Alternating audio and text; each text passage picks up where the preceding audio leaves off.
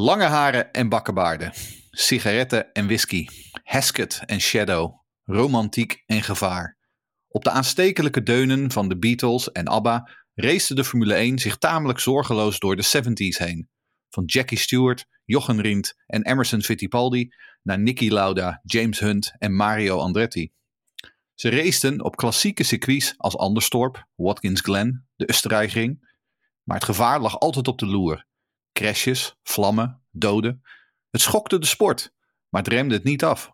Autoracen was nou eenmaal gevaarlijk. Het publiek langs de baan moedigde de rijders aan en de rest van de wereld vernam de uitslag maandagmorgen in de krant. Ergens in New York schoot Mark David Chapman John Lennon dood. In Zweden dreven huwelijkse problemen Annie Fried, Benny, Björn en Agneta uit elkaar. De lange haren werden geknipt, de bakkenbaarden afgeschoren, de wereld veranderde. En de Formule 1 moest mee. Maar niet iedereen wilde mee. De grote fabrikanten kwamen lijnrecht tegenover de kleine Britse constructeurs te staan.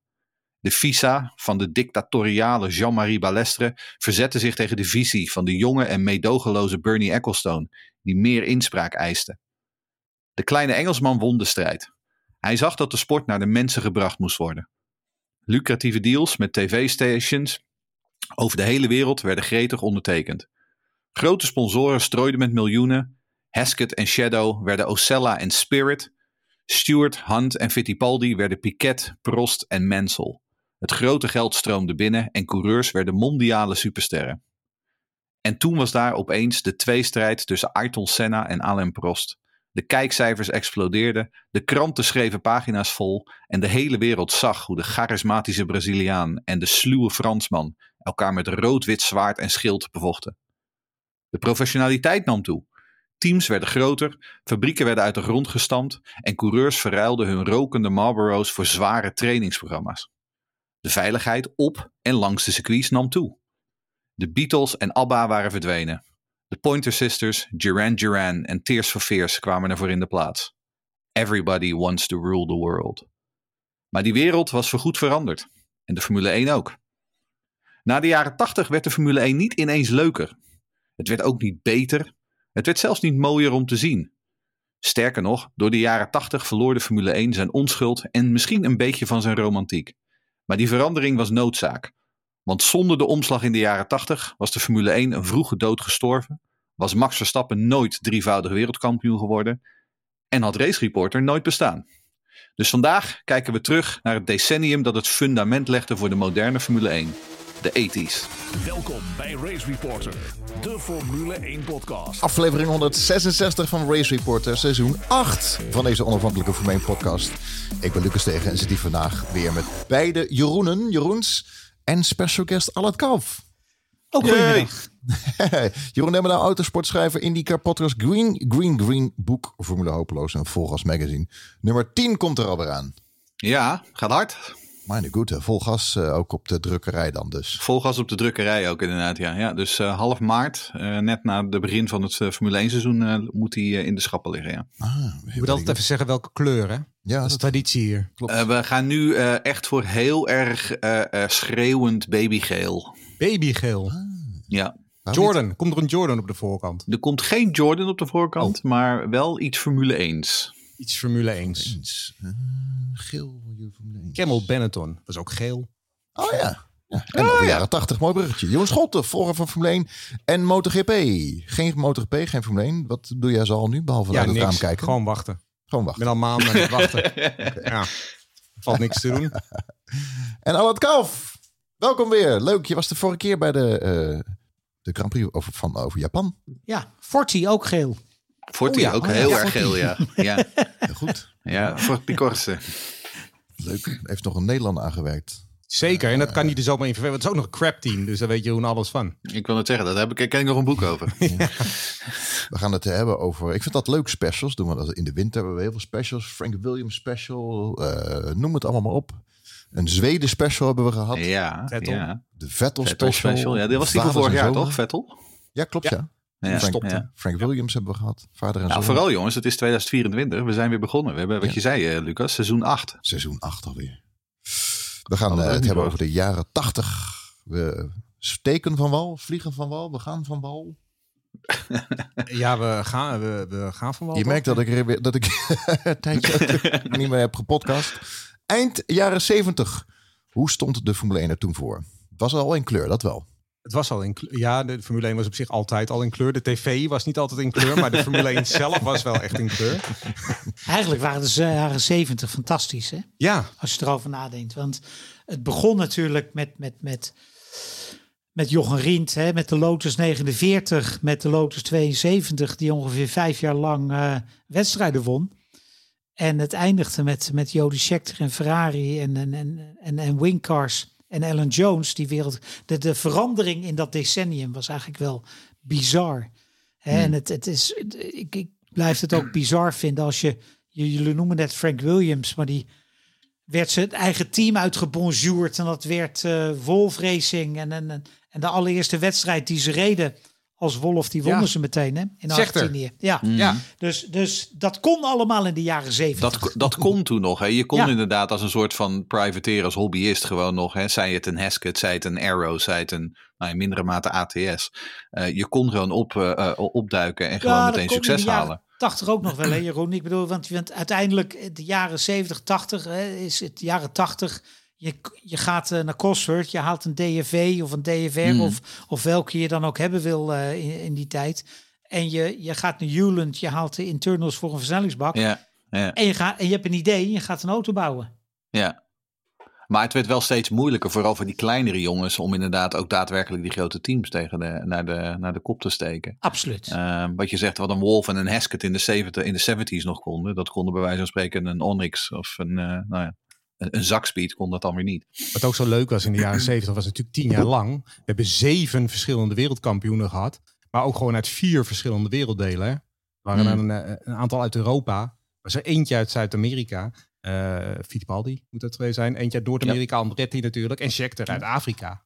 Ja. En eh, nou ja, kom daar nu maar eens om. Weet je, we hebben nu decennia lang met twee of drie wereldkampioenen. En die komen allemaal uit Europa. Want uit de rest van de wereld komt helaas wat minder momenteel. Maar dat was toen echt. Ja, was toen vrij eh, normaal. De rest van de wereld kan niet rijden. Nou, dat- nou ja, de laatste paar jaar inderdaad niet. Felipe Massa betwist het nog, maar voor de rest is er volgens mij sinds Senna geen Zuid-Amerikaanse wereldkampioen meer geweest. Ik denk dat eh Phil Nuff de laatste niet-Europees is, uit mijn hoofd zeg ik. Ja, dat moet wel. Mm, Dat Ja. moet haast wel, ja. Ja, dat, dat klopt. Maar het is natuurlijk wat dat, dat is. Dat heeft niet zozeer met de sport te maken als wel met de, eh, de economische Ja. Malaise in Zuid-Amerika. Als je nu in Argentinië, Ja. eh, ja, dat is gewoon onmogelijk om genoeg eh, pesos bij elkaar te vinden om een dollar te kopen. Dus laat staan eh 10 dollar. En, en Brazilië is een beetje hetzelfde. Dat is natuurlijk een, allemaal allemaal landen waar het economisch slecht gaat. En waar een hele mooie autosporthistorie in het land is. Hè? Als je ziet wat daar allemaal geraced wordt in die landen. is echt fantastisch. Je, hoeft- je hoeft ook niet naar Europa. Dat hoeft ook niet zozeer. En je moet natuurlijk ook de mogelijkheden hebben om daadwerkelijk tot dat niveau te komen. Want al die Brazilianen kwamen vooral van vermogende achtergronden. Ehm, en in, ik bedoel, Jeroen en ik hebben deze discussie wel eens gehad in hoeverre de Formule 1 een meritocratie is. Het zou best kunnen dat er een taxichauffeur in Laos is die de beste coureur ter wereld is. Maar die gaat never nooit de Formule 1 niet halen. Nee, nee dat klopt. Hoewel, hoewel ik wel wel, het, dat, dat, het klopt gedeeltelijk, vind ik wat je zegt. Want als je kijkt naar, naar eh, en dan ga ik lang terug, hè, dat begon met Fittipaldi, maar wat daarna gekomen is, eh hè, Fittipaldi, Chico Serra, eh, Ribeiro, eh, later Senna. En nog later Massa Piquet, en, ja. en, en, en Piquet natuurlijk. Er zijn een heleboel. Er zijn niet allemaal van rijke komaf. Hè? Moreno, hè? die had, die had Moreno niet. Nee, niet. Moreno niet. Nee, nee, dat is waar. Nee. Dus, dus ze waren niet allemaal rijk. Je hebt, eh, als je in de jaren 70 heb je zo'n, er zijn prachtige foto's, best wel een bekende foto volgens mij van eh, James Hunt en eh Nicky Lauda. Die zitten dan eh, samen te lunchen op de zijkant van een Ligier met Guy Ligier ervoor in. Ik weet niet precies uit welk jaar die is, maar dat is echt al een foto die voor mij heel veel zegt. Want zowel Lauda als Hunt reden nooit voor Ligier. Dus die zijn ook nog eens bij een heel ander rivaliserend team. Met z'n tweeën zitten ze daar op de zijkant van een auto. Nou, daar moet je nu eens mee aankomen, zeg maar. En dat zegt een beetje... Het heeft een beetje die romantiek, ontblote bovenlichamen ook nog. Het heeft een Nou. beetje die romantiek, maar ook een beetje dat kneuterige amateurisme... wat we natuurlijk ook wel een het- klein beetje hadden toen. Jij hebt het over die foto. Voor mij is het altijd die foto van Rosberg met ontbloot bovenlijf. En dan die overalls om zijn middel gebonden. En dan met een dikke peuk en Ja, grote zonne. ja, Eh, ik bedoel, waanzinnig. Echt waanzinnig. Ehm, Maar inderdaad, die lunchfoto van Hunt en Lauda is inderdaad ook een, uh, een klassieker. Gewoon ook bij een derde team gewoon weer. Bij een en heel die dat, team. die dat hele era in één beeld vangt, als het ware. Ja. Ja. Ja, uiteindelijk als je dan, dan even verder denkt, dan ga je begin jaren 80 is nog eigenlijk de, de, de, de overflow van de jaren 70 en dan gaat het toch heel snel verandert dat. Zeker. Mm. Waar, waar was jij eind jaren zeventig, Allard?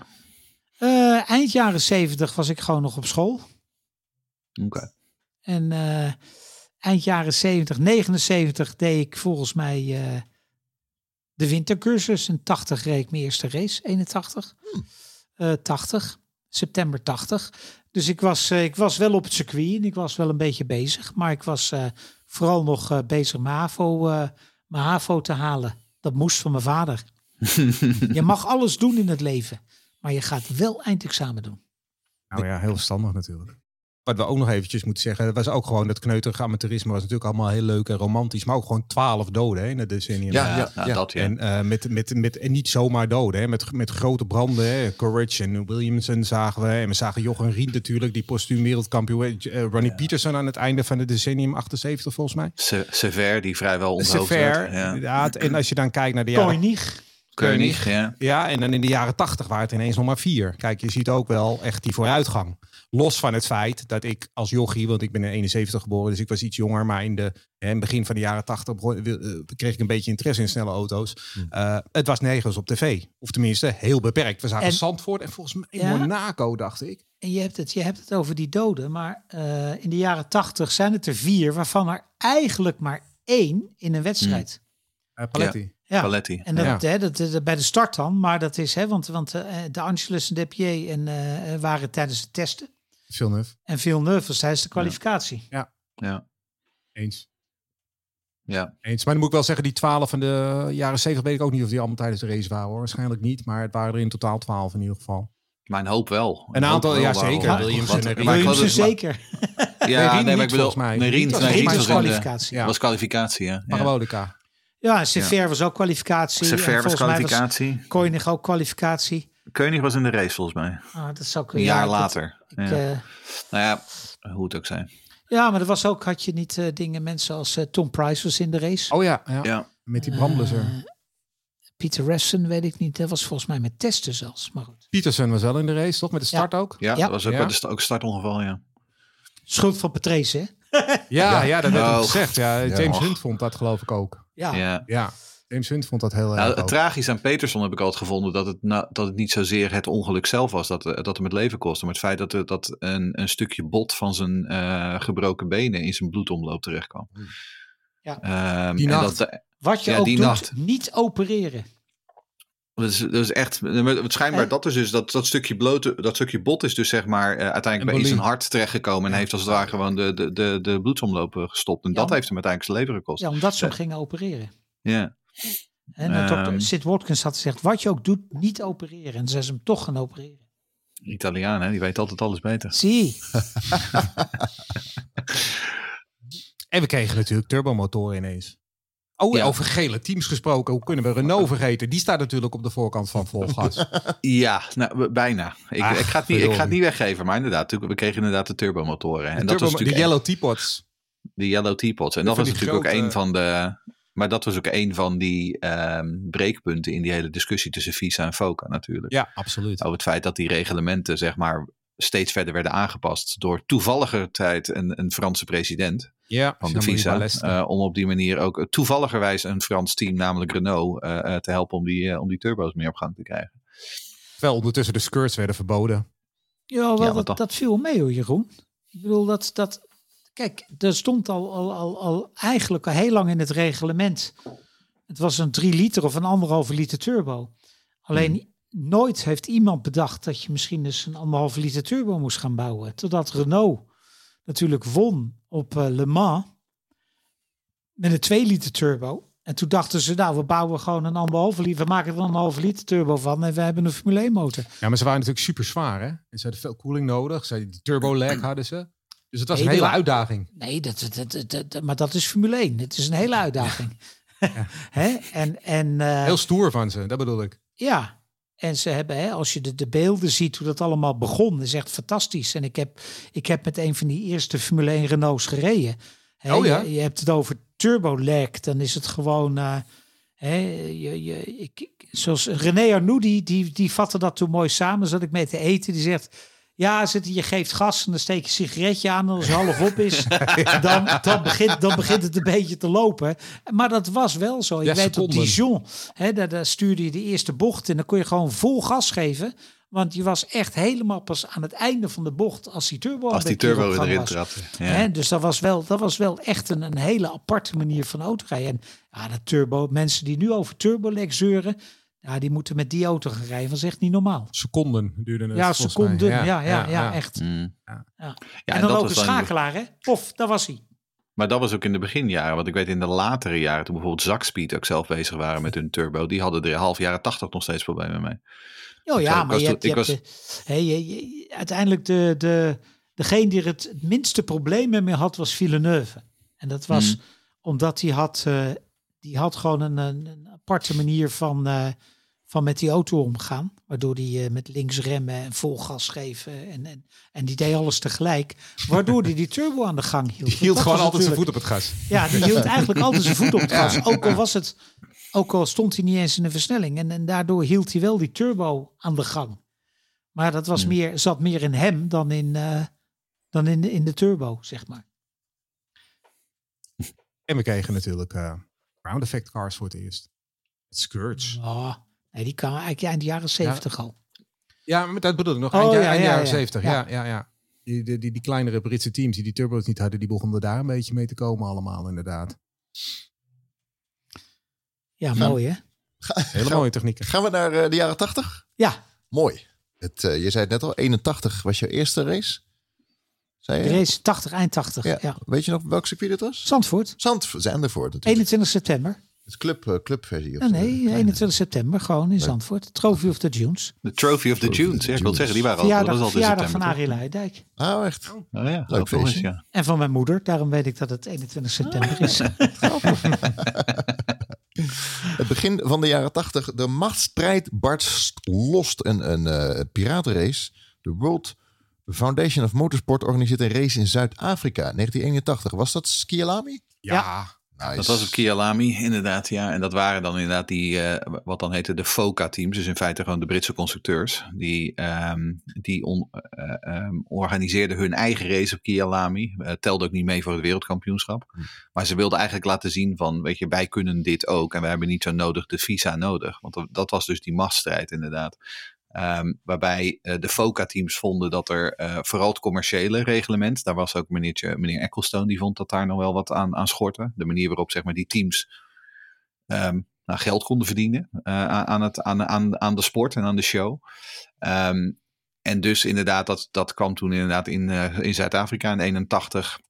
Nou ja, kwam dat eigenlijk, ik weet niet of het de apotheose was. De echte apotheose zal waarschijnlijk San Marino 82 geweest zijn. Ja. Maar ehm, het, was in, het was in de begin jaren 80 heel onrustig tussen Visa en FOCA. En die twee, die twee kampen, dus aan de ene kant de, de Britse constructeurs en aan de andere kant de grote fabrikanten uit Italië en Frankrijk. Ja, die stonden lijnrecht tegenover elkaar. En die hebben de hele jaren 80 lijnrecht tegenover elkaar gestaan. Hè? Ja. Mm. Eigenlijk. Maar er werd natuurlijk na San Marino, toen er, zeg maar, het eerste Concorde Agreement kwam, toen werd er wel zeg maar, een soort van wapenstilstand getekend in ieder geval. Ja, maar die was ook wel geval- relatief. Want als je hè, even, even een jump naar de eind jaren 80.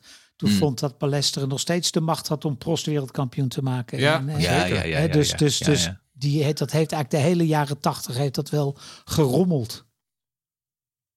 Ja, tuurlijk. Maar in die zin, dat was natuurlijk inderdaad specifiek het, het, het bevoordelen van Prost. Waar, terwijl het hier natuurlijk meer om, eh, bedoel ik, eh, begin jaren tachtig om het, de, Geld. de, de, de constructeurs aan de Ja. ene kant en, en, en de, hè, de, de Ferrari, de, ehm, de Alfa en, en wat was het, Ligier en, eh, en Renault. Renault. natuurlijk aan de andere kant.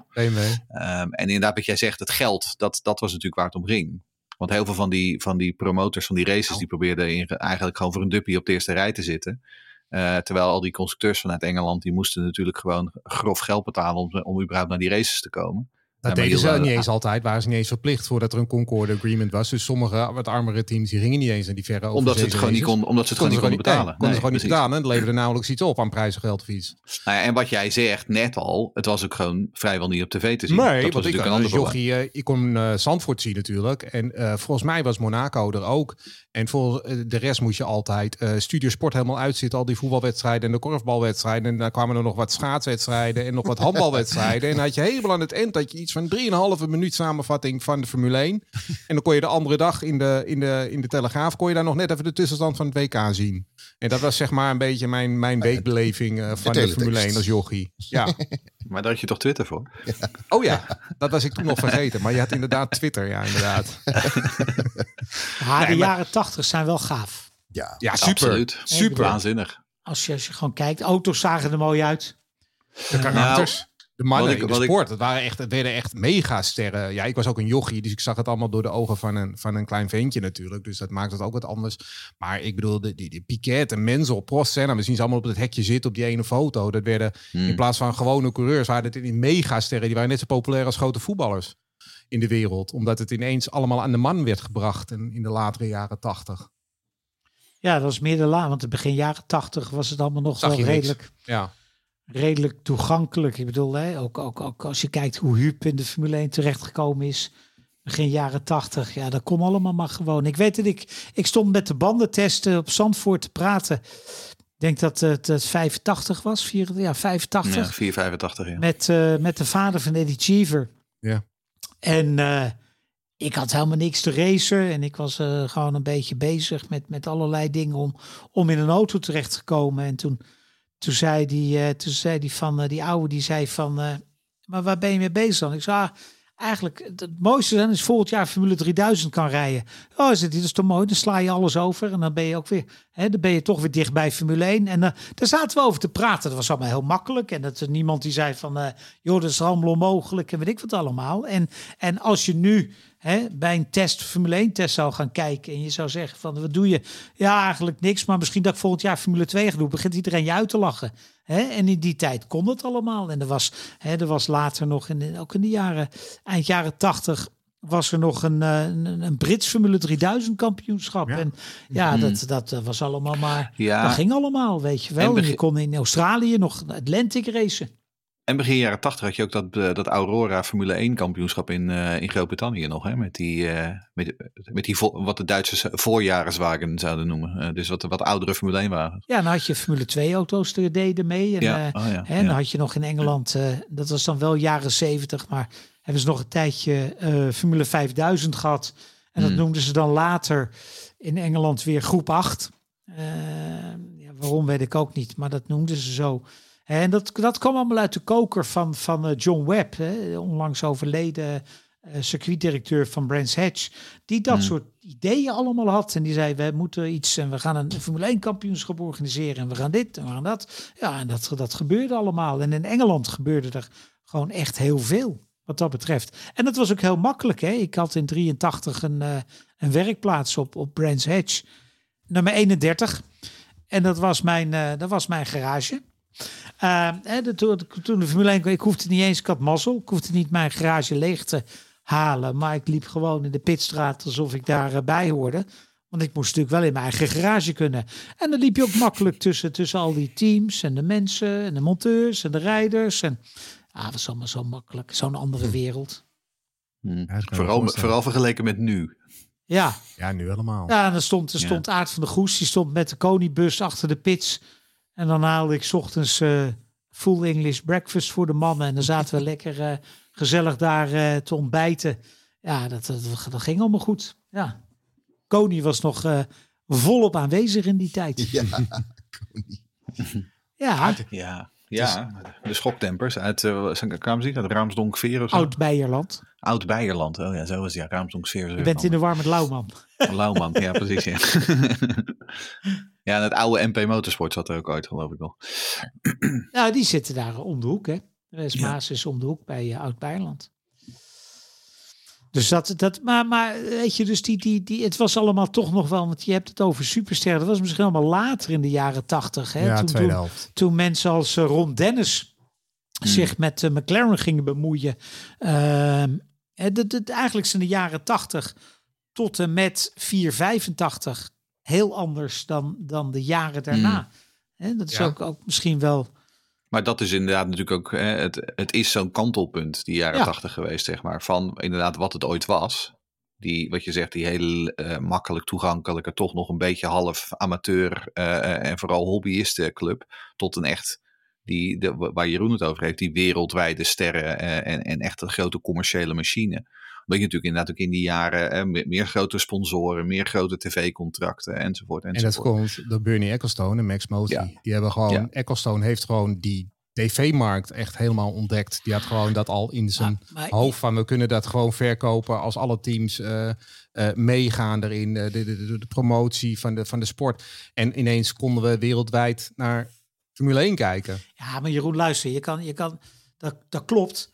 Aan de andere kant heb je in de jaren tachtig ook zo mazzel gehad. Want je hebt, je hebt Senna, Prost, Lauda hè, in, mm in uh, Piquet. Hè, Je hebt vier absolute, die, die, die horen bij de tien, misschien wel tien beste Grand rijders ooit. Hè, die vier. Mensel. Je hebt uh, uh, Stefan Bellof, die helaas veel te vroeg gestorven is. Maar je hebt dus niet alleen een, een, een, een, een, een, een technische, technisch kantelpunt.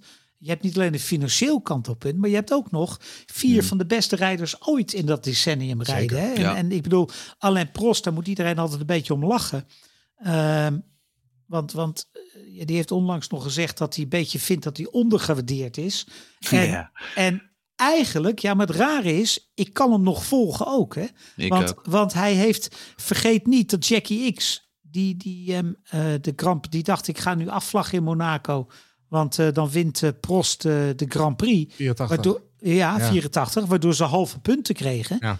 Als, hij, als die wedstrijd gewoon door was gereden, had waarschijnlijk Senna gewonnen. Ja. Ja. Dan, was, dan was Prost waarschijnlijk tweede geworden. En dan was hij wereldkampioen geworden dat jaar. Ja. En Want- dat zei Prost na afloop ook, hè, dat hij van plan was om Senna gewoon te laten gaan. Omdat hij zei van Senna had op dat moment nog geen punten. Nee, Dus Senna die, die wilde sowieso kosten wat het kost voor die ene dagzege gaan. Maar ik zat met mijn hoofd bij het kampioenschap. Ik dacht van laat hem maar gaan. Ik pak die tweede plek wel. ja, en uiteindelijk wordt hij op een half punt wordt hij tweede. Hè? Lauda Ja. wordt op een half punt wereldkampioen. Hè? Ja, maar er was- is ook hetzelfde. Ik wil, wij hebben nog wel eens dat gesprek gehad over, eh, wat is het, 88. Waarbij ze op een gegeven moment die hele rare regel invoerden dat, dat ze resultaten gingen wegstrepen. Eh, Prost heeft in 88 gewoon de wereldtitel gewonnen. Eh, het enige is alleen, of in negen, welke 89 Nee, was het? eh, eh, in 88 toen Senna het won. ja, toen Senna In het won. 89 won hij ook echt. Ja, Maar dus- ik wil zeggen, maar Prost was in 88 gewoon degene met de meeste punten. Alleen ja, vanwege die regel hebben ze punten weggestreept en won Senna uiteindelijk de wereldtitel. Ja, maar ik vond, ik vond het Prost niet helemaal gelijk had. Want ik denk, ik denk inderdaad, ik snap wel wat hij bedoelt. Kijk, tegen Senna qua status en charisma kan hij gewoon niet echt op. Weet je, de Prost is een beetje, die heeft een wat saaiere uitstraling dan Senna. Dus daarom zal hij misschien ook iets minder gewaardeerd worden. Ook omdat Senna natuurlijk wat heroïscher is gestorven, zeg maar, op een gegeven moment. Dus dat vergroot iemand zijn status ook. Maar het mooie aan het Senna-Prost-tijdperk, en ik was toen eh 17, 18 jaar, dus ik heb dat echt wel vol meegemaakt. Dat was juist dat het twee van de allergrootsten ooit op de toppen van hun kunnen ook nog is. Hè? Want we hebben nu Hamilton en Verstappen, maar Mm. Er zit, er Verstappen, zit ja. 15 Ja, jaar verschil in, zeg maar. Maar toen had je ze op het toppunt van hun roem. Vochten ze met elkaar in hetzelfde team ook nog deels.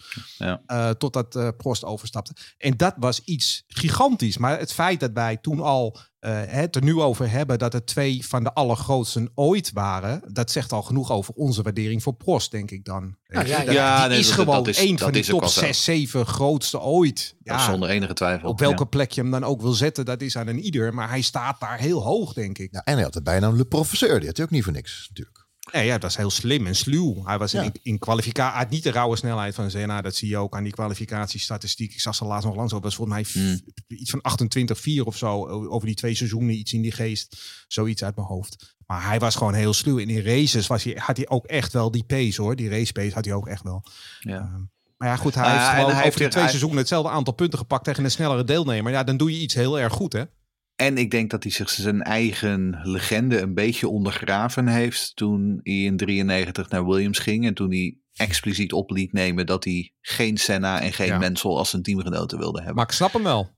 ik snap hem ook. Ik Ik, snap snap, hem hem heel goed. helemaal. Ik snap hem helemaal. Maar ik denk wel dat dat er misschien in de ogen van bepaalde eh, mensen, vooral misschien het, het Senna-fan-contingent, heeft gezegd van ja, maar het is een lafaard en weet je, en hij durft het niet nog een keer aan. En, nou ja. De lafaard is degene die hem dat in het contract heeft laten zetten.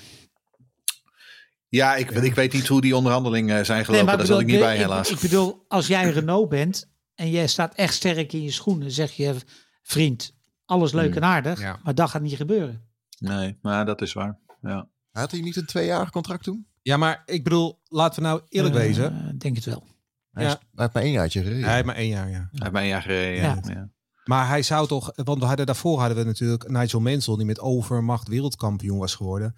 Ik, ik ben het met Allard eens. Williams was toch niet afhankelijk van Alain Prost daar? Als ze Nigel Nee, Mansell daar hadden laten zitten, waren ze in 93 ook wereldkampioen geworden. Hè? Ja. Sterker nog, het plan was natuurlijk gewoon om mensen te laten zitten hè, voor 93. Ja, nou ja, daarom inderdaad. Alleen ja, eh, dat lag allemaal niet zo lastig, want die hadden in, de, bij, in hun Ferrari-tijd gezamenlijk in 1988 Ja, 90 maar het of was, zo. ja, maar toen was waren het, al ja, in, hele in, grote 90. vrienden. Maar was het ook niet zo dat, dat, dat Prost al in februari van 92 zijn, zijn contract tekende voor 93? Eh, al heel vroeg. Hij tekende dat al heel vroeg. Ja, het is een sabbatical natuurlijk. Maar Ja. het, het kwam bij Mensel wel als een verrassing. Ja, precies ja. En, ja en want Mensel wist het- daar volgens het mij kwam gewoon niks zeker van. als een verrassing. Ook bij eh, Ricardo Patrese bijvoorbeeld. Want die had net eruit. Benetton getekend. Terwijl, die- omdat hij dacht dat hij weg moest. Ja. En had Ja. kunnen blijven. Ja, als het helemaal. Nee. Toen kreeg Damon Hill de kans. Ja, Toen ontstond er weer een andere wereldkampioen. dus uiteindelijk past het allemaal weer in elkaar. nee, Precies, en, ja. en, en, maar de jaren tachtig, ik bedoel, dat, dat eh, het waren de topjaren van Prost. De Hmm. topjaren van Senna, maar ook de topjaren van, van, van, van Honda. Hè? Ik bedoel, zeker, dat, dat, ja. dat was Eerst Lotus. ook fantastisch. Hè? Met, met, met eh, V12 motoren, met V10 motoren, met, met alles wat ze... Eerst Spirit hè. die, die maakte daar motoren zo goed. Hè, dat, dat McLaren eigenlijk een shitauto bouwde. Hè, wat, we, wat we onlangs meegemaakt hebben met Mercedes in de Formule 1. Die er ineens achter kwamen dat ze helemaal niet zo'n goede auto hebben. Dat gebeurde natuurlijk met McLaren in de jaren 80. Die hadden, die hadden zo'n goede auto. Die reden met, met op Hockenheim met de Monaco-vleugel ongeveer. Want die motor die deed je toch wel. Hè, maar, maar het feit dat je daar dus Senna en Prost had, die, die zo erg met elkaar aan het vechten waren. Maar dat moest ook wel, hè? want het was natuurlijk. De wedstrijden waren vaak doodsaai. hè. Dat vergeten we ook wel dat eens. weet ik. Ja. Hè? Ik, Ja, bedoel, ik, ik, ik geloof dat eh eh, Imola stond Senna op pol ooit. Hmm. En volgens mij uit mijn hoofd zeg ik dat hij, dat hij 3,5 seconden sneller Ja, ja, was dan de eerste niet Honda. En Klopt, die stond dan ja. vierde hè, op de Ja. grid. Dus je, je, je, je hebt natuurlijk... Mensen zeggen wel eens van... Ja, het is nu zo saai. En zeg ik, nou kijk naar die kwalificatie. Als je in de jaren 80 stond je met 3,5 seconden achterstand op de tweede rij. Nu ben je het lachertje van de klas. Nee, maar dat, dat is ook zo. Dat is ook zo. Kijk, en, en, en eh, die, ik, wat ik, heb, ik heb ze een paar winters terug, heb ik al die seizoenen van de jaren tachtig gewoon nog eens teruggekeken, Ja, die hele wedstrijden. Inderdaad. Het enige is alleen, de auto's zagen er veel mooier uit. Ze klonken veel beter. En eh, dat, dat vind ik wel ten opzichte van nu een voordeel. Maar het is inderdaad, het waren geen inhaalfeesten, nee. Nee, Nee, zeker maar- niet in die, in, die jaren, in die eind jaren 80 toen McLaren, eh, wat is het, 15 van de 16 wedstrijden won. Maar ik denk dat het een belangrijk punt is dat juist eh, jaren 80 was ook echt het, de periode waarin de Japanners kwamen. En Honda was natuurlijk de voorloper. Maar daarna kwamen, kwamen Yamaha, eh, Subaru heeft het toch heel even geprobeerd. We hebben kregen daar natuurlijk ook Mugen die vervolgens eh, eh, Ja. kwam. En nog later Toyota. Maar dat kwam natuurlijk allemaal omdat Honda liet zien van wij kunnen dit. We moeten natuurlijk ook niet overheen dat in de jaren 80, want we hebben het over die coureurs. In de jaren 70 en vooral in de jaren 60 heb ik me wel eens laten vertellen, maar daar ben ik eh, eh, natuurlijk wel gelukkig te jong voor. Maar dat, dat er coureurs waren die dan zagen dat er een snellere deelnemer achter hun zat, dat ze hem er gewoon langs wezen, zeg maar. Van ga daar dan maar langs. Eh, en dat, dat, dat in de De jaren gentlemen. 70 waren het ook nog redelijke vriendengroepen, maar in de jaren Ja. 80, want we hadden natuurlijk niet alleen maar Prost en Senna, maar Villeneuve en Pironi. En we Ja, hadden in Mansell en 85, Piquet. 86 Menzel en Piquet. Die waren ook echt, die hadden ook echt een hekel aan elkaar. Dat, dat sloeg helemaal om. Maar dat heeft waarschijnlijk ook wel een beetje te maken met de intrede van het grote geld en de mediadruk en al dat, soort Dat, dingen meer. dat waanzinnige interview dat Piquet geeft na Silverstone 86 geloof ik. Als die, waar Mansell hem helemaal het snot voor de ogen rijdt. Die wedstrijd. Eh, en dan vroegen ze na afloop, was er een, iemand die ging dan aan, men, aan, aan, Piquet vragen wat het probleem was geweest. En dat hij gewoon echt helemaal explodeert in, de, in het gezicht van die journalist. Van wat is het nou voor domme vraag? Hij was gewoon sneller. Kun je toch zien? Waar heb je het nou over? er zat zoveel druk en zoveel ja, ja, ja. irritatie op tussen die twee. En ik bedoel, was het ook Piquet niet op een gegeven moment die ook nog uh, opmerkingen ging maken over de vrouw van Mensel? Ja, ja, ja. was een lelijke vrouw, vond hij dat. En hij was zelf natuurlijk een enorme playboy. En uh, hij vond dat een minder aantrekkelijke vrouw, inderdaad, ja. En uh, ja, dat is niet zo heel netjes. Ja, maar dat was al, dat, dat kwam ook al. Kijk, Frank Williams had natuurlijk een aparte hand soms van coureurs aantrekken. Maar die had natuurlijk volgens mij Nigel Mansell al in de stal. En haalde toen uh, Nelson Piquet als grote superster voor veel meer geld uh, binnen. Ja. ja. en dat zou wel, ja, want die was al tweevoudig wereldkampioen. En dat zou wel even de nieuwe kopman worden. En toen bleek in de praktijk dat qua pure race pace was Nigel Mansell echt niet de mindere van Piquet. Sterker nog, die was de snellere van Piquet. Ja. Alleen Piquet, die ging inderdaad met die psychologische spelletjes waar Erg gevoelig voor was natuurlijk. En die werd daar erg opgefokt van. en uh, kon hij uiteindelijk toch die resultaten wel boeken. En, en de wereldtitel pakken natuurlijk. Uh, voor Williams uiteindelijk in 87. maar Frank Williams heeft dat niet altijd even handig gemanaged, denk ik, met de coureurs. Nou, je kan ook zeggen, hij weet het veel beter dan mij, want hij is heel vaak wereldkampioen geworden. Maar inderdaad ook met dat gevalletje in 1993, waar Mensel een beetje de Sjaak was. Maar ook toen hmm. al, ja, weet je, dat je denkt, ja, is dat nou echt zo gelukkig? Hij heeft ook altijd Williams heeft ook altijd op de een of andere manier alleen maar enkelvoudige wereldkampioenen uh, gehad. Hè? Er is nooit iemand twee keer wereldkampioen geworden in een Williams. Terwijl die toch zeven of acht rijderstitels hebben veroverd. Volgens mij zeven. Ja. Um, ja. En dat jaar uh, met Mensel en uh, Piquet hebben ze volgens mij ook de wereldtitel weggegooid. Hè? Dat, uh, ja, toen Prost zijn eerste titel haalde. Dat, mm, of was het nee, Prost zijn tweede titel haalde, denk ik. Ja, ja. ja dat toen, was toen, toen Mensel klapte in, in Adelaide. Ja. ja. En dat, dat, dat jaar hadden ze natuurlijk gewoon wereldkampioen moeten worden. Ja, met die, wederom met die, met die Honda die er toen, uh, die er toen in lag. Ja. Uh, ja, precies. In 1986, ja. Ja, ja, ja kijk, jij ja. zegt dat, hè, die Williams, die heeft die, die een aparte... Maar Williams had gewoon een hele simpele redenatie. Die zegt, ik, ik, wil, een, uh, ik wil een goede rijder, misschien de beste rijder. Hè, en als je kijkt, hij heeft nooit, behalve Senna, uh, echt een superster aangenomen. Ehm, Piquet was misschien de meest bekende, maar verder altijd een beetje mensen uit de marge en dan gewoon de beste auto bouwen. He, ja. Die zei altijd, ik, ik bouw gewoon een auto die een seconde sneller is dan de rest. Dan maakt niet uit wie ik erin zet. Nee, dat, dat, dat, dat is me ook altijd wel opgevallen. Dus je kijkt waar Alan Jones bijvoorbeeld vandaan kwam en waar KK ja, Rosberg, Rosberg, vandaan kwam, ja. voordat, voordat ze bij Williams zaten. Dat was inderdaad geen absolute wereldtop nog. KK was natuurlijk een beetje mazzel volgens mij dat, uh, dat de Falklandoorlog uitbrak, niet? Want? Toen is Reutemann toch... Uh, dat, uh, oh, uh, dat, nou, maar, maar, maar Reutemann, Reutemann is toch gewoon gestopt nadat hij vervolgens die wereldtitel heeft verloren tegen, tegen Piquet in, ja, in, in, in, in, Caesar, in Caesar's Palace. Een paar races of is dat, nou, toen komt Derek Daly volgens mij. Derek Daly heeft er nog een tijdje in gezeten. In auto, maar Ros, er was iets met Rosberg, dat eigenlijk gewoon mazzel. Okay. Ja, dat zou best nog, dat zou best Misschien wel, kunnen, dat ja. Jones er ineens mee ophield. Ja, Rosberg heeft ja, in dat jaar in 1982 inderdaad een heleboel teamgenoten gehad stuk of drie, vier in dat jaar dat hij yeah. wereldkampioen werd, had hij meerdere. Toen mocht je nog zo vaak switchen blijkbaar. Maar toen had hij inderdaad heb iets van drie, vier wereld, uh, of uh, teamgenoten gehad in één jaar. Ja, dat klopt. Ja. Maar wat dat betreft, ik denk inderdaad dat, dat Allerts punt inderdaad, dat Williams altijd een beetje, toch, wat, wat ik bedoel, die, hij haalde ook opeens in de jaren negentig, haalde die opeens Villeneuve weg uit Canada. Ja. Dat is natuurlijk toch ook een beetje een opmerkelijke Montoya. keuze. Montoya. Montoya inderdaad, ja, die, die eigenlijk al van jongs af aan inderdaad groot maakte, ja dat, dat waren op zich wel, het waren geen absolute wereldsterren inderdaad, met uitzondering dan van Senna. Ja. Dat is, en, en Prost uiteraard. Hij heeft de wereldsterren van gemaakt. Ja. ja. ja. Ik, uh, ik zit te genieten aan jullie verhalen. Ik moet ook een beetje lachen. Maar ik zit naar een draaiboek te kijken. Maar volgens mij zitten we pas op regel op regel 3. Ja. het, dra het, draaiboek is, is, een, is een richtlijn, ja. Lucas. Dat is uh, geheugensteuntjes. Maar Frank Williams is ook weer zo'n typisch voorbeeldje van hoe dat ging in die jaren. Want die man die heeft, die is op een gegeven moment natuurlijk het rijkste en grootste team geworden. Uh, in de jaren negentig en het slimste team en het beste team en alles. Nou, dat weten we allemaal wel. Maar die is ook in de jaren zeventig, die had geloof ik nog minder geld dan ik. Maar weet je, die team moest runnen, weet je. En die heeft op een gegeven moment die Saudi-Arabische sponsor gevonden. En toen is dat er pas een beetje gaan draaien. Saudi, ja. ja. En inderdaad, ja, hij is nog een keertje weggewerkt door Walter Wolf, inderdaad. Ja. Ja, want Frank Williams eh, Cars werd geloof ik pas opgericht in 78 of 77?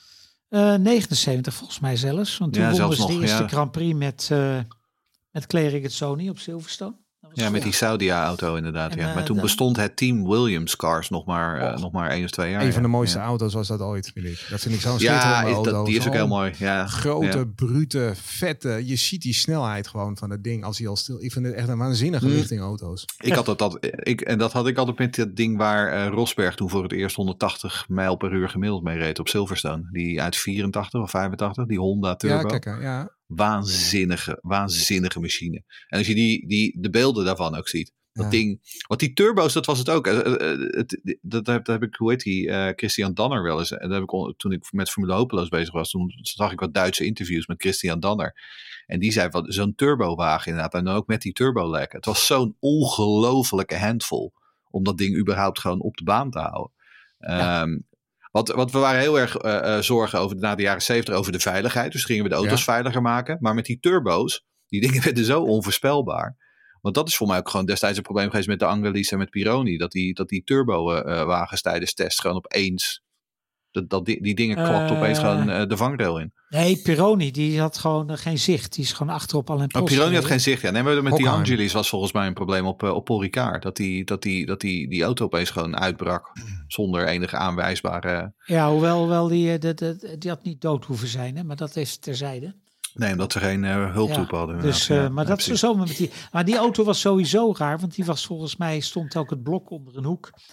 En, Dat was die eh, hele lage, met die ja, hele lage ja, motorkap. ze- die, die hebben eh, ze, ja. eh, want dat was die viercilinder BMW, die hebben ze toen gekanteld om hem nog lager te kunnen, te kunnen leggen. En dat was, die auto had wel heel veel problemen. Maar ze hadden En het toen is Derek Warwick heeft hem vervangen, hè? En, ja, eh, klopt. Ja. Ja, ja. Die zat naast Patrese. Dat was Patrese en Warwick toen. En toen, samen, eh, ja. en dat ging dus als volgt. Toen belde Ecclestone, die belde naar Warwick. Van, eh, ja, ja wil je, eh, kom je rijden? Ja, eh, nou kom maar praten. Dus hij rijdt naar Chessington. En eh die komt bij Bernie binnen. Hij zegt, ja, ik wil zoveel per race. Jij kan rijden, betaal je dat? Ja, maar misschien moeten we daar nog... Nee, wil je rijden? Ja, dan betaal ik je dat. En toen, eh, nou oké, ik geloof, dat was en, niet eens veel hè, 5000 dollar per race of zo. En toen, toen zegt Derek Warwick, dat is wel mooi, dat is altijd bijgebleven. Die had dus tegen Bernie gezegd van, maar waarom heb je mij eigenlijk gebeld? Hij zegt, omdat jij de enige bent die gebeld heeft. Hij zegt, hoe bedoel je? Hij zegt, hij zegt je hebt mij een briefje gestuurd eh, om eh, te, te, te condoleren. Hij zegt, verder heb je daar niks over gezegd. Hij zegt, het- hij zegt de, de, de, de- Elio was nog niet eens koud en stijf. En toen hingen er al mensen aan de telefoon van... eh, als je iemand nodig hebt, dan ben ik beschikbaar. Hij zegt, Ja. jij, hebt helemaal, jij hebt daar helemaal niet over gesproken. Hij zegt, dus eh, jij mag rijden. Netjes. Het is netjes, ja. Ja, ook, ook dat is Bernie. Het Ja. ongeluk van die Angelis. Bernie is gewoon top. Maar het Ja, ongeluk van die absoluut. Angelis, dat was dus ook de reden volgens mij dat er daarna altijd bij tests altijd eh, ambulances of eh, medische voorzieningen en zo moeten Ja, ja, zijn. Ja, wat, wat, wat, Allard, ja. wat Allard net zei, van hij had niet dood moeten zijn. En dat was inderdaad een conclusie van de postmortem. Van we hebben gewoon eh, veiligheidspersoneel ook bij tests nodig inderdaad. Ja, klopt ja. En dat, dat, dat kwam in die jaren natuurlijk veel meer opzetten. Hè? Want we kregen volgens mij, eh, was het eh, be- begin jaren tachtig, John Barnard die met monokok, eh, carbon fiber monocoques aan kwam zetten. Ja. Eh, crash tests eh, kwamen Mhm. voor het eerst. Eh, dat was volgens mij trouwens een idee van Balestre, die ook wel echt wel goede dingen heeft gedaan. Zeg maar. Het was niet alleen maar een, botte, een botte beul. Zeg maar. Oh ja? Ja, ja, hij heeft ook echt hele goede dingen. Ehm, Kijk, hij was Frans. Dat, dat, dat, dat, dat- daar komt hij nooit meer vanaf. Nee, maar we, vergeten de, de veiligheid in de jaren 80 met, met, met vier overle Mm. Dat was echt een enorme stap vanaf de jaren 70. Maar daar Dat had is- Balestre niet veel mee te maken hoor. Nee, oké, maar de, alle ontwikkelingen, de, sowieso de technische ontwikkelingen gingen in de jaren 80 natuurlijk hard ten opzichte van de jaren 70. Maar Ja. En er zijn er ook gewoon nog wel een aantal geweest in die vroege jaren tachtig vooral die gewoon door het oog van de naald gegaan zijn. Hè? natuurlijk. Ehm, want ik als op een gegeven moment was het Jochen Maas die geloof ik met de, een van die eerste ATS'en nog een keer naast de baan gegaan is op Silverstone. En Oh, maar die is, ook, eh, Jeroen, als je, als, je, als je oude dingen, beelden bekijkt en oude Ja. eh, foto's, dan, dan zijn er heel veel mensen. Hè? En dan, en dan is, heeft, heeft iemand als DPJ gewoon pech gehad. Hè? En, Ja. en Ja. Pironi heeft ook gewoon pech gehad. Hè? Die is dan niet dood, maar dat ongeluk had hij gewoon, had hij gewoon pech. Nooit meer gereest. Nee. Eh, eh, Lafitte, eh idem Hmm. dito, hè? gewoon eh, had ook Ja, niet die- gehoeven. Ook, ook en die, klaar. die, die zware crash op Brands Hatch bedoel je? ja. Ja, Ja. ja die, was, die was heel vervelend, ja. Tja, die was echt heel vervelend. Ik stond erbij Ja. en ik keek ernaar. Ik weet, dat is een andere klasse, maar Johnny Herbert nog in 88 volgens Ja. mij. Ja, in de Formule 3000. Ja, Ja, dat is ook een Ja. mega. Ja, dat weet, eh, dat weet Allard wel. Dat was 88, toch? Ik denk 88. 88, Ja. eind augustus.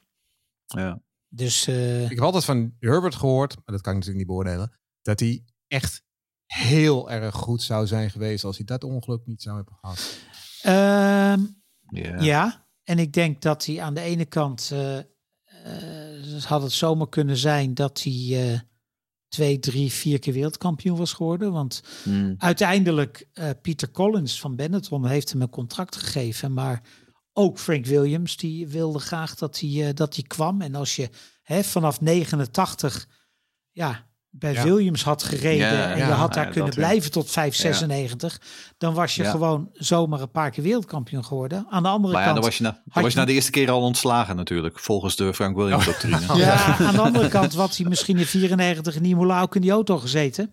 Ja. In plaats, van, eh, in plaats van Senna. En, eh, en, en, en ik weet wel bijna zeker dat we er een. eh, dat hij, dat hij eh, misschien wat aardiger is geworden. Johnny Herbert. Ja.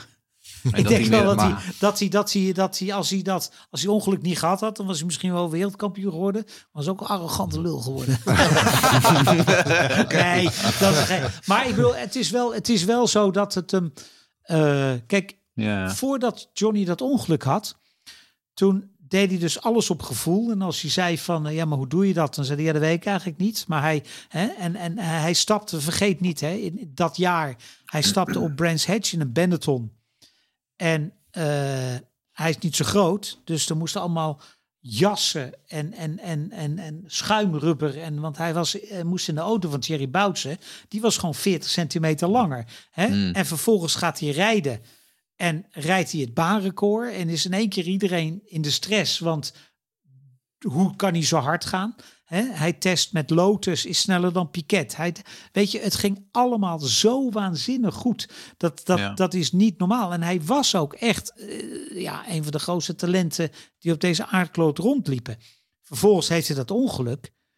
En, en is hij dat, dat, eh, ja, dat gevoel kwijt dat het eigenlijk allemaal vanzelf ging. Dat onbevangen is er een beetje Want- is die kwijtgeraakt. Ja, want toen hij samen met Schumacher reed, bij Benetton, Hè, toen zei hij het enige verschil tussen mij en Michael is dat, dat, dat, dat, dat Michael, die is zoals ik was. Hmm. Hij zegt, en ik, hij zegt dat ik moet er nu zoveel harder voor werken. Hij zegt me zoals Michael rijdt. Ja, zo was ik voor mijn ongeluk. Uiteindelijk natuurlijk wel een mooie carrière. Volgens mij drie, Ja. drie races gewonnen. dacht. Drie races Twee. gewonnen. Ja. Nou ja, je En drie eh, mooie wedstrijden, hè? Silverstone, Zo. Nürburgring en Monza. Ben je toch Oh, ik, oh, hij meneer. heeft natuurlijk Stewart nog gewonnen. Ja, Ja. ja. precies. Ja, drie races. Ja, Drie races en Le Mans gewonnen. Ja, ja. Dus, dan ben je gewoon Nou, een grote wie wie wat ik ook nog steeds een verloren talent vind uit die jaren is Stefano Modena. Ja, Want die, zeker. werd, die stond destijds toen hij eh, in de Formule 3000 reed en wereld en kampioen werd daar. Die stond heel hoog op alle lijstjes. Hè. Ik, de, Joe Seward heeft dat mooie verhaal over dat hij eh, eh, met al die Italianen uit de jaren 80 aan het praten was. En dat hij zei van, ja, hoe deed jij het eigenlijk in de karting? En ze, zegt, en ze zei allemaal, ik werd allemaal tweede.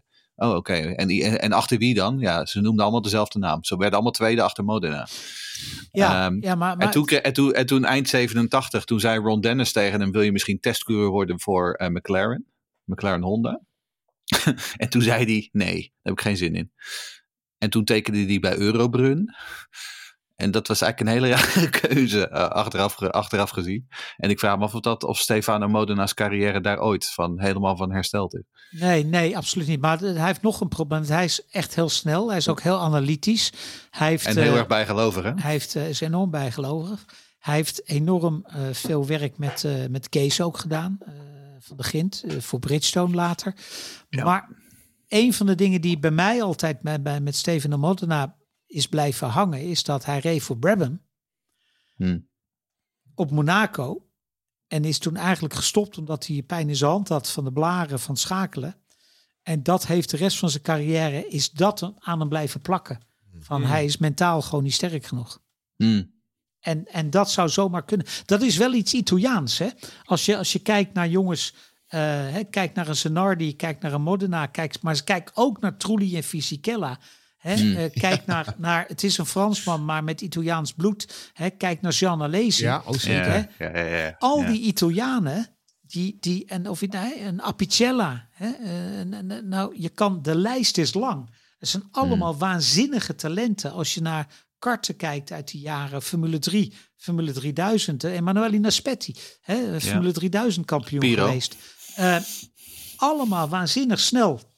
Tot ze in de Formule 1 kwamen. En dan braken ze. Ja. Ja, 53 Nou, ik- de laatste wereldkampioen. Dus dat Nou is ja, echt dat- eh, dat heel inderdaad, ja. Dan krijg je nu Antonelli hopelijk. Tenminste, daar, Nou ja. daar zijn de verwachtingen hoog van. Maar Daar ja, zijn de verwachtingen hoog van. ook Maar niet ja, van. ook hier weer, weet je, ik bedoel, nogmaals, en al die namen die, die, eh, die Allard net noemt, inderdaad, heel veel van die jongens waren voor de Formule 1. Ehm hè, Le- wat het was over Luca Badouer. Luca Badouer won Ja. gewoon de Ja. Europese Formule 3000. Hè? Ja. Was gewoon een hele, hele talentvolle coureur. Ehm, maar eenmaal in de Formule 1, toch net dat laatste dingetje missen. Maar zo zijn er meer, hè? Bottas, de Hulkenbergjes. Ja, Dat nee, natuurlijk, dat is wel zo. ook jongens Ja. die in het verleden natuurlijk heel veel gewonnen hebben in de junioren. Ja. Oh, maar die wil ik nog niet eens, die wil ik nog niet eens noemen. Als je het hebt over jongens die eh, in, in de junior categorieën eh, de beste uitvinding sinds het gesneden brood waren. Hè? De mannen als Ellen McNish, eh, JJ Ja, Leto. ja, ja. eh, die waren gewoon, Leto was niet bij te houden. Niet Nee. bij te houden. Ellen was niet bij te houden. Hè? In veel klassen. Ehm, ja, Van Doorn. geen Grand Prix gewonnen. Nou, van Doorn, van Doorn is een mooie modern inderdaad. Maar Leto, die heeft natuurlijk ook wel echt een jasje uitgedaan na die klap met, eh, met Benetton. Ja, maar daarvoor was het ook al klaar. Bijna. Nou, bij, Sauber, bij Sauber was hij toch heel, te- was hij, wel- was hij heel, Ja, was hij heel, heel sterk juist. JJ was gewoon, die was gewoon de, de beste uitvinding sinds gesneden brood. Ik reed tegen die jongen in 1987. Je kon gewoon, je kon voor de race de beker al geven. In 88 had ik hetzelfde met Frensen. Hè, die, Mm. kon Oh je, ja. die waren gewoon een klap beter dan de rest. Dan die hele generatie. En dan komt het er in de Formule 1, ook bij Frensen overigens, gewoon niet uit. Nee, want Je hebt, je hebt de drie uh, Nee, ik kende- ik kende Wendlinger, nog- Schumacher. Ja, en ik kende nog één, eh, Jos Verstappen. ja, Ja, die kwam ook in de Formule 1, die- daar, daar kwam ja. het er ook niet helemaal uit. Nee, maar, maar dat, is, dat is toch heel apart. Hè? Dat je dus Hmm. op een of andere manier in die, in die juniorklasse zo kan domineren. Hè? En, Ja. en, Ja. en kijk naar mensen, eh, we hebben het over jaren, jaren, jaren 80. Hè? Eh, er waren, waren een hoop jongens ook die toen Formule 3000 reden. Hè? Die gewoon echt goed waren. Gewoon klaar. Gewoon Hmm. niet in de Formule 1. Het heeft ook heel erg te maken waar je komt op het moment natuurlijk. Hè. Ik bedoel, ik, het, ik bedoel, het is een bekend verhaal, maar dat, dat Benetton 94 verhaal, die tweede stoel naast Schumacher, is gewoon een moeilijke stoel geweest voor Leto, voor Jos. Nou, En- voor Jos wel. Ja, Voor J en JJ, daar komt het nekverhaal. eh, dat- Ja, ik wil zeggen, dat Ja, is, want, daar- want daar Leto had natuurlijk die crash in het, in het voorseizoen al, ja. Ehm, kijk, en, en hij was natuurlijk, wat dat bedoelde ik eigenlijk, dat hij in 93 bij Sauber samen met Wendlinger, ze, ze waren echt heel erg indrukwekkend. En dat heeft hem ook die stoel in 94 bij Benetton opgeleverd. Het enige is alleen dat hij vervolgens in de voorbereiding inderdaad dat enorme zware nekongeval heeft gehad. Ja, en da- daarna is het nooit meer goed gekomen met JJ. Nee. Eh, in ieder geval niet in, in de Formule 1. Eh, maar goed, we zijn nu langzaam maar zeker ook de Formule, de, de, de jaren 90 aan het inbewegen. Ehm, Zit te kijken, waar zijn we nou? want, want, want eh, dit was natuurlijk ook wel, zeg maar, waarin de Formule 1 echt volwassen was, hè Jeroen? eh, de jaren 90 bedoel je? Ja. Ja, de jaren 90 dit- dit is alles als je gewoon kijkt naar jaar 1991 toen Schumacher zeg maar debuteerde naar eh, jaar 1981. Dat is echt, dat is denk ik een van de grootste verschillen die we de afgelopen decennia hebben meegemaakt.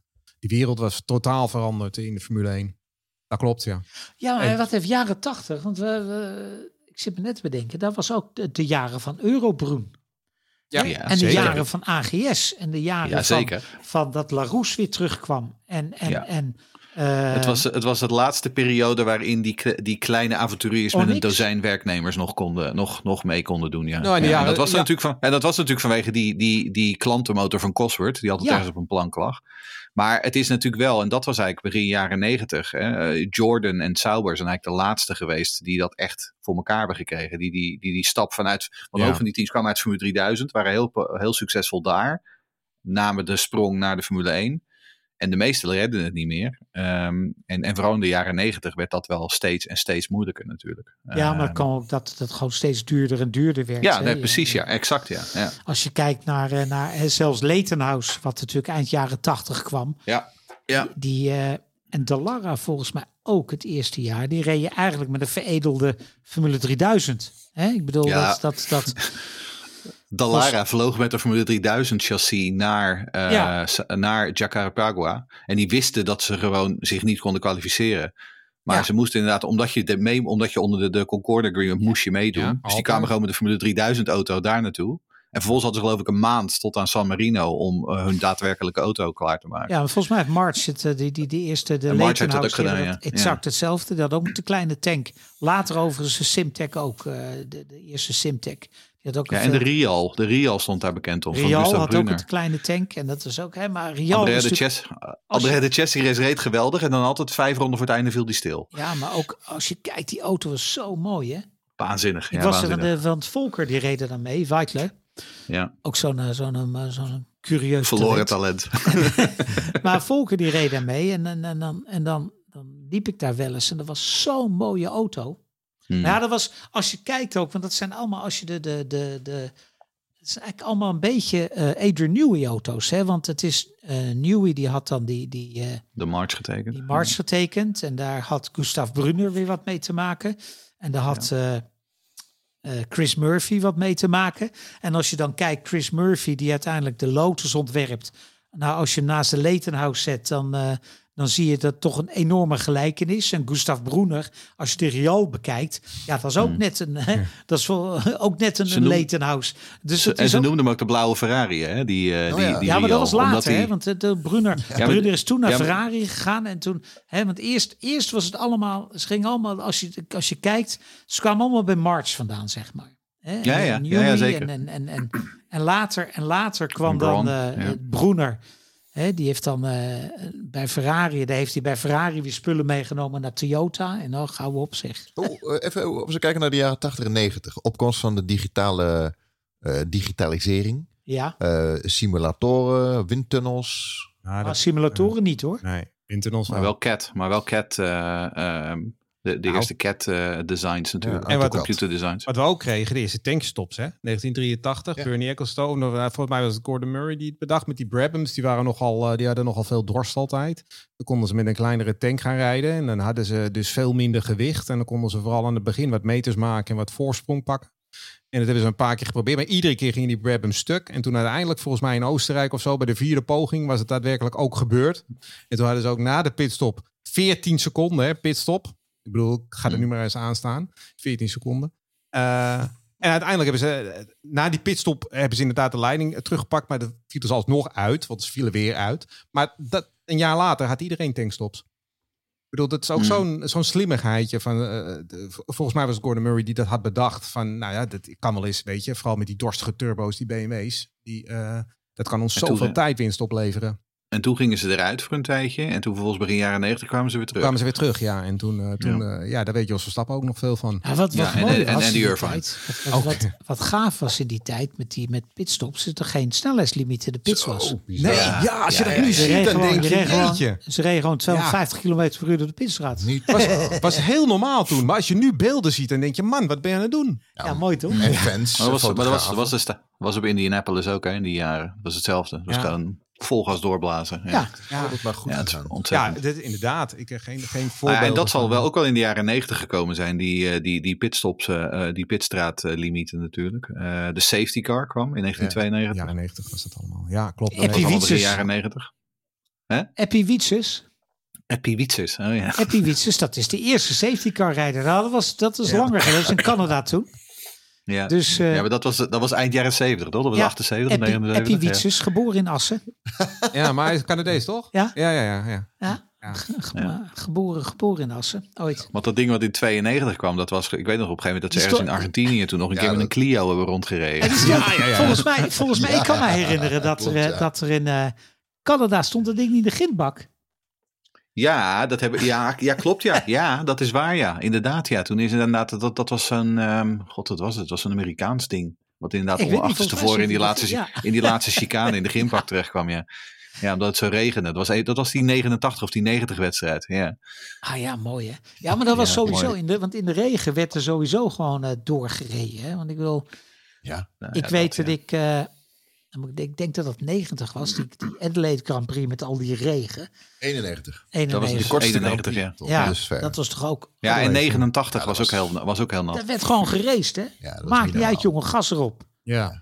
Dus Dus, 16 ja. ronden of zo. En wat, wat wel mooi was, is dat dat toch een heleboel dingen, als, je, als, je, als ik terugkijk, ook eh, ehm, in 89 had Senna het natuurlijk best lastig tegenover Prost. Ehm, en die was ook een beetje de weg kwijt, hè, gewoon. En dan, en dan ik weet nog dat ik in Geres was. ehm, en ik zou terugvliegen met, eh, met de Foca-vlucht naar, eh, ik weet niet eens waar we heen vlogen, denk Big Hill. En eh, vanaf Geres.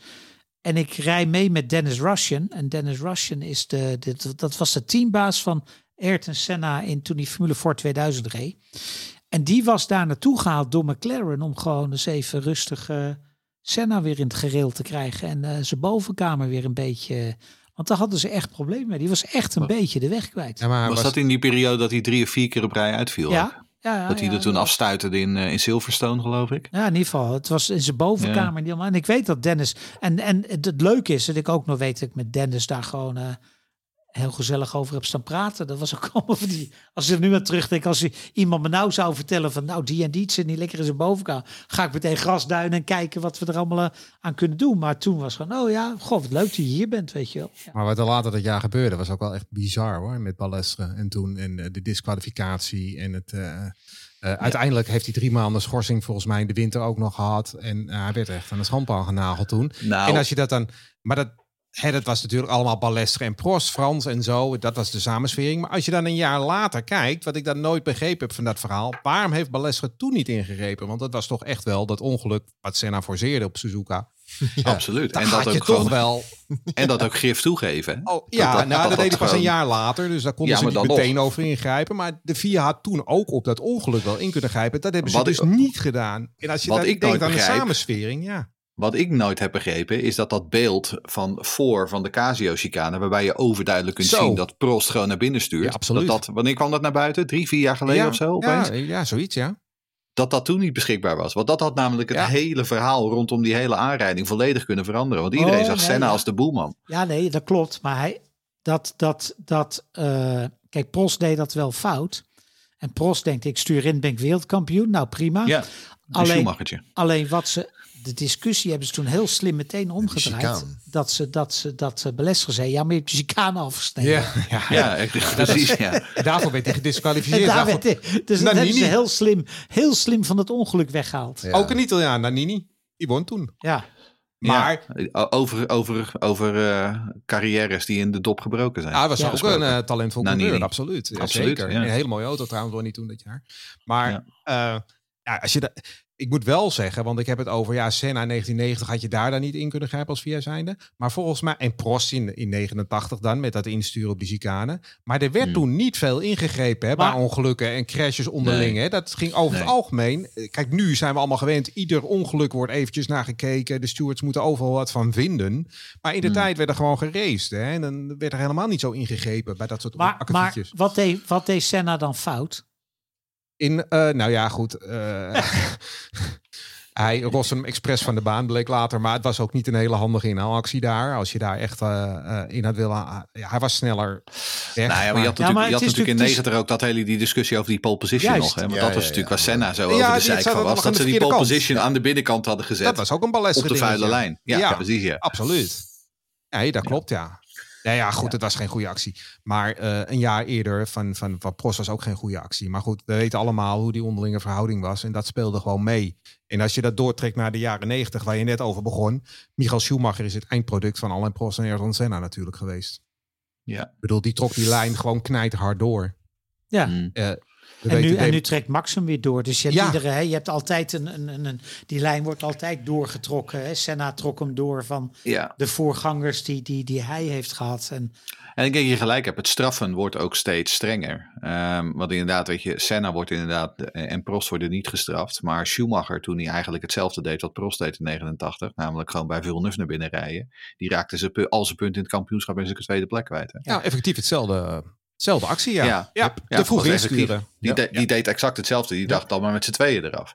Ehm, de, eh, wat natuurlijk Prost in principe ook probeerde inderdaad. Nou, in 94 deed hij het ook. Dus in 97 deed hij het nog een keer. Ja, was in iets andere 94, actie. dat was gewoon de fout van Damon Hill. Die dook in een gat wat Dat er niet waar. bestond, eh, Lucas. Maar dat is... eh, Eh, daar, daar, Ja. zullen we discussie over opzetten, want daar ben ik het niet kom helemaal maar, mee kom eens. maar, kom maar. Maar Ja, kom vanuit dan. Hills oogpunt had hij inderdaad beter kunnen wachten, achteraf gezien. Maar het ongeluk was Schumacher zijn schuld. Dat doen we in de 90, de jaren 90 Hij wilde, hij wilde gewoon iets, iets, iets, iets meer wereldkampioen worden dan de concurrentie. Ja, Zo is dat inderdaad. ja. Dus, eh, Ja. maar, maar kijk, wat je, wat je had in die tijd, is dat we nog konden spreken over een raceongeluk. Maar we konden ook nog gewoon even spreken van, jij rijdt mij eraf. Ik vind jou een lul. Ik Ja. rij jou er nog wel een keer af. En we settle the score. Ja. En dat Ja. is tegenwoordig helemaal, niet alleen in de autosport, dat is gewoon helemaal uit het leven verdwenen. Hè? Ik bedoel, we kunnen natuurlijk gewoon niks meer gewoon aannemen als, oh nou ja, pech. Nee, moet gereguleerd Het worden moet, allemaal. Ja, alles moet gereguleerd zijn. En het is natuurlijk complete onzin. Ja. En ik vind, ik vind alle straffen overigens, hè, maar daar heb ik wel hè, met, met, met eh, in het verleden ook wel eens. Eigenlijk moet je helemaal geen straffen uitdelen. En net als track limits, laat het lekker gaan. Wat zal het mij allemaal aan mijn reet roesten? Als daar asfalt ligt waardoor je harder kan rijden, dan moet je het Ja. gewoon gebruiken. En, en in de jaren tachtig had je, eh, en dan kom ik weer op mijn stokpaardje, was precies nog het, het, het, het decennium dat je jezelf pijn kon doen als je een ongeluk had. Want waarom Hmm. vonden, we, vonden we het ongeluk van Senna en Prost zo belachelijk? Is dat Senna het risico nam om in het ziekenhuis terecht te komen. Of nog erger, niet dat die Prost eraf reed. Ja. Dat gebeurde gewoon. Nee, maar hij nam het risico om gewond te raken. Met andere woorden, in die tijd was er ook nog een beetje respect onderling. Want je reed elkaar de baan niet af. Tegenwoordig zitten ze in een auto die is zo veilig dat, dat er hoeft geen respect meer te zijn. Hè? En, en dat vind ik in de jaren tachtig zo mooi. Is dat er waren natuurlijk situaties dat ze elkaar eh, het licht in de ogen niet gunden en elkaar de baan afreden. Maar eh, Jeroen die, die haalde er straks de, de Grand Prix op Silverstone aan dat Mensel buitenom eh, Ja, ja, Piquet. eh, Piquet rijdt. Ik weet ook nog een, een, een Grand Prix in Hongarije. Waar Piquet met vier geblokkeerde wielen ongeveer Ja. binnendoor gaat bij Senna. En, en als dat nu zou gebeuren, dan zouden ze meteen op de radio roepen van... He didn't leave me any room. Ja, ja, ja. track. Weet je wel? Toen gebeurde dat gewoon. En er was ook wederzijds respect. Met andere woorden, degene die verloren heeft, die geeft ruimte aan degene die gewonnen heeft. En Maar dat gebeurt niet wij- meer. Daarom zijn we hier ook zo'n fan van Oscar Piastri. Want die mekkert niet over de radio. En hij is ongeveer de enige die dat niet doet. Nou, ik moet, en als je het zo bekijkt, was als een je, bit naughty. Als je bijvoorbeeld dan kijkt naar, eh, als je er bijvoorbeeld dan kijkt naar Monza tussen Hamilton en Verstappen toen het ongeluk, want daar hebben we ook honderdduizend analyses van gezien van mensen die beelden eh, gingen stilzetten op bepaalde punten. Van, kijk, hier had hij net Mm. iets meer ruimte, net, hier had hij net iets meer dit. Van alle kanten is het bekeken. Z- en Zullen dan je- Silverstone er nog, Silverstone er nog even bij Ja, halen? en- nee, maar dan concluderen ze uiteindelijk dat ja, de ene rijder hier iets beter had moeten doen en de andere rijder daar iets beter had moeten laten doen. En dan komen we terug op dat reguleren. Waarom reguleer je dat dan allemaal dan? Want het is dus eigenlijk alle twee, beide hebben altijd een klein beetje schuld. Nou ja, als je gewoon allebei Ja. niet opgeeft, heb je vanzelf een ongeluk. Ja, Hè? maar ja, dan- geef je dus ja. beide niet Maar op. het, het, het even over Silverstone precies. en misschien dat Monza ook wel. In de jaren tachtig had je dat niet gedaan. Als jij in de Nee, jaren nee, nee, tachtig met z'n tweeën, Ja. met z'n tweeën naar kops reed, Ja. dan was het gewoon, dan gaf Liften. iemand op. Hè, als jij eh, met z'n tweeën naar Eau Rouge reed, Ja. dan gaf je op. En als je dat niet deed, dan werd je een Stefan Bellof. Hè? Dan reed je zelf dood. zeggen, ja. Dan En- konden ze hier van de vangrail afschrapen. En, ja. en, en, en hè, wat, wat Max doet in, in, deed destijds Monza. in Blanchimont. Hè, eh, buitenom Oh ja, en mm, binnendoor ja. bij- die, bij die Philippe Nasser. Ja. Vindt het allemaal fantastisch. Maar in de jaren tachtig had je op Spa in Blanchimont de vangrail aan de baan staan. Dan deed je dat niet. Dan had je dus respect voor de baan, voor je tegenstander, voor de vangrail.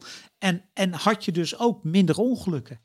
Ik vergeet nooit dat beeld van een paar jaar terug toen eh, Charles Leclerc, die reed in zijn Ferrari en toen zat zijn spiegeltje los. En die ging met één hand, Ja. kruiselings, reed hij door eh, 130R op Suzuka. En toen dacht ik, nu zijn we volgens mij gewoon echt, Ja, voor mij zijn we nu te ver gegaan jongen. Ja. Want dat, is, dat, is, Ja, dat klopt. dat is echt, dat, dat, het, het is inderdaad, die, die, die, die wagens lijken tegenwoordig soms echt alsof ze op rails rijden. Ehm, het is toch steeds moeilijk hè? Het is nog steeds ontzettend moeilijk, ja. En je Tuurlijk, ziet nog steeds het verschil tussen Verstappen en Perez. En eh, Hamilton en Bottas. Je ziet nog steeds al het verschil tussen een coureur onderling. Dus dat, dat, dat verschil zal er ook altijd blijven. Maar eh, ja, nee, ja, goed, ik ben het er deels wel mee eens. Aan de andere kant moet je zeggen, we hadden toen misschien eh, meer respect, ook meer respect voor de snelheid en voor het circuit zelf. En meer ontzag daarvoor, waardoor je iets minder probeerde. Maar als je dan een ongeluk had, dan was het vaak ook wel echt een ernstig ongeluk. Want ja. ja, Ja, ook Blanchimont daar een vangrail eh, vlak langs zetten. Ja, weet je, er breekt iets af van een auto en je hangt erin. Weet je, Ja. en dat, de- nu is daar, heb je een stuk, of, eh, een stuk eh, een grind liggen daar en al dat soort dingen. Ja. Dus het is allemaal ook wel echt wel eh, verbeterd in dat opzicht. Ja, alleen het nadeel is, Ja, we slaan maar door. Ja, niet alleen je hangt erin, maar je weet ook niet hoe je er hangt. Hè? Dus, Nee. En ik weet, ik weet Huub, ik heb Huub vaak gesproken over zijn eerste keer dat hij met die Spirit moest rijden in Canada. Ja, Met die, daar zat toen die turbomotor in. en die poker die los zat. Ja, en hij scheet beulen. hij scheet gewoon in zijn broek. Hij vond het zo eng. Hè? En ik denk dat dat ook heel eng was. Als je gewoon, hè, want hij had heel lang niet gereden, had de rug gebroken, kwam terug, wordt in dat ding gezet en wordt gewoon met 1200 pk de baan opgestuurd. Veel plezier onderweg. Maar dan, dan, best, dan heb je ja. respect voor iets, hè? Hmm. Ja, absoluut. Ja. En je weet dat je in een tijd eh, zit waarin het nog wel eens misging. Eigenlijk, bedoel, eigenlijk nu- moeten we nog eh, over Huub even eh, hebben. Want Ja, dat is natuurlijk ook enorm jaren tachtig. Zeker. Huub is eh, ontzettend jaren Lammers 80. Ja. Ook, ja, absoluut, ja. ja. ook Ja. jaren 80. Ja. Ja, maar Huub, Huub, in de, Huub in de zakspeed is voor mij wel echt toppunt jaren 80, ja. ja dat Nee, is wel... Huub in de Osella. Huub in de vind ik ook mooi. goed. Die Osella, Osella die had dus, kijk, die deed dus aan, eh, alles in de Formule 1 heeft een levensduur. Hè? En, en, dan, en dan had Osella, die had dan aandrijfassen. En, dan, eh, en die legden ze dan te rusten. Dus die legden ze gewoon twee weken in de werkplaats. En dan konden ze daarna wel weer gebruikt worden. En zei ik, ja, maar. Dan, en dan, en dan zei Huub, ja, maar ze hebben toch gewoon de kilometers gereden. We moeten toch nieuwe hebben? Nee, deze hebben gerust. Ja, joh, dat is toch heerlijk?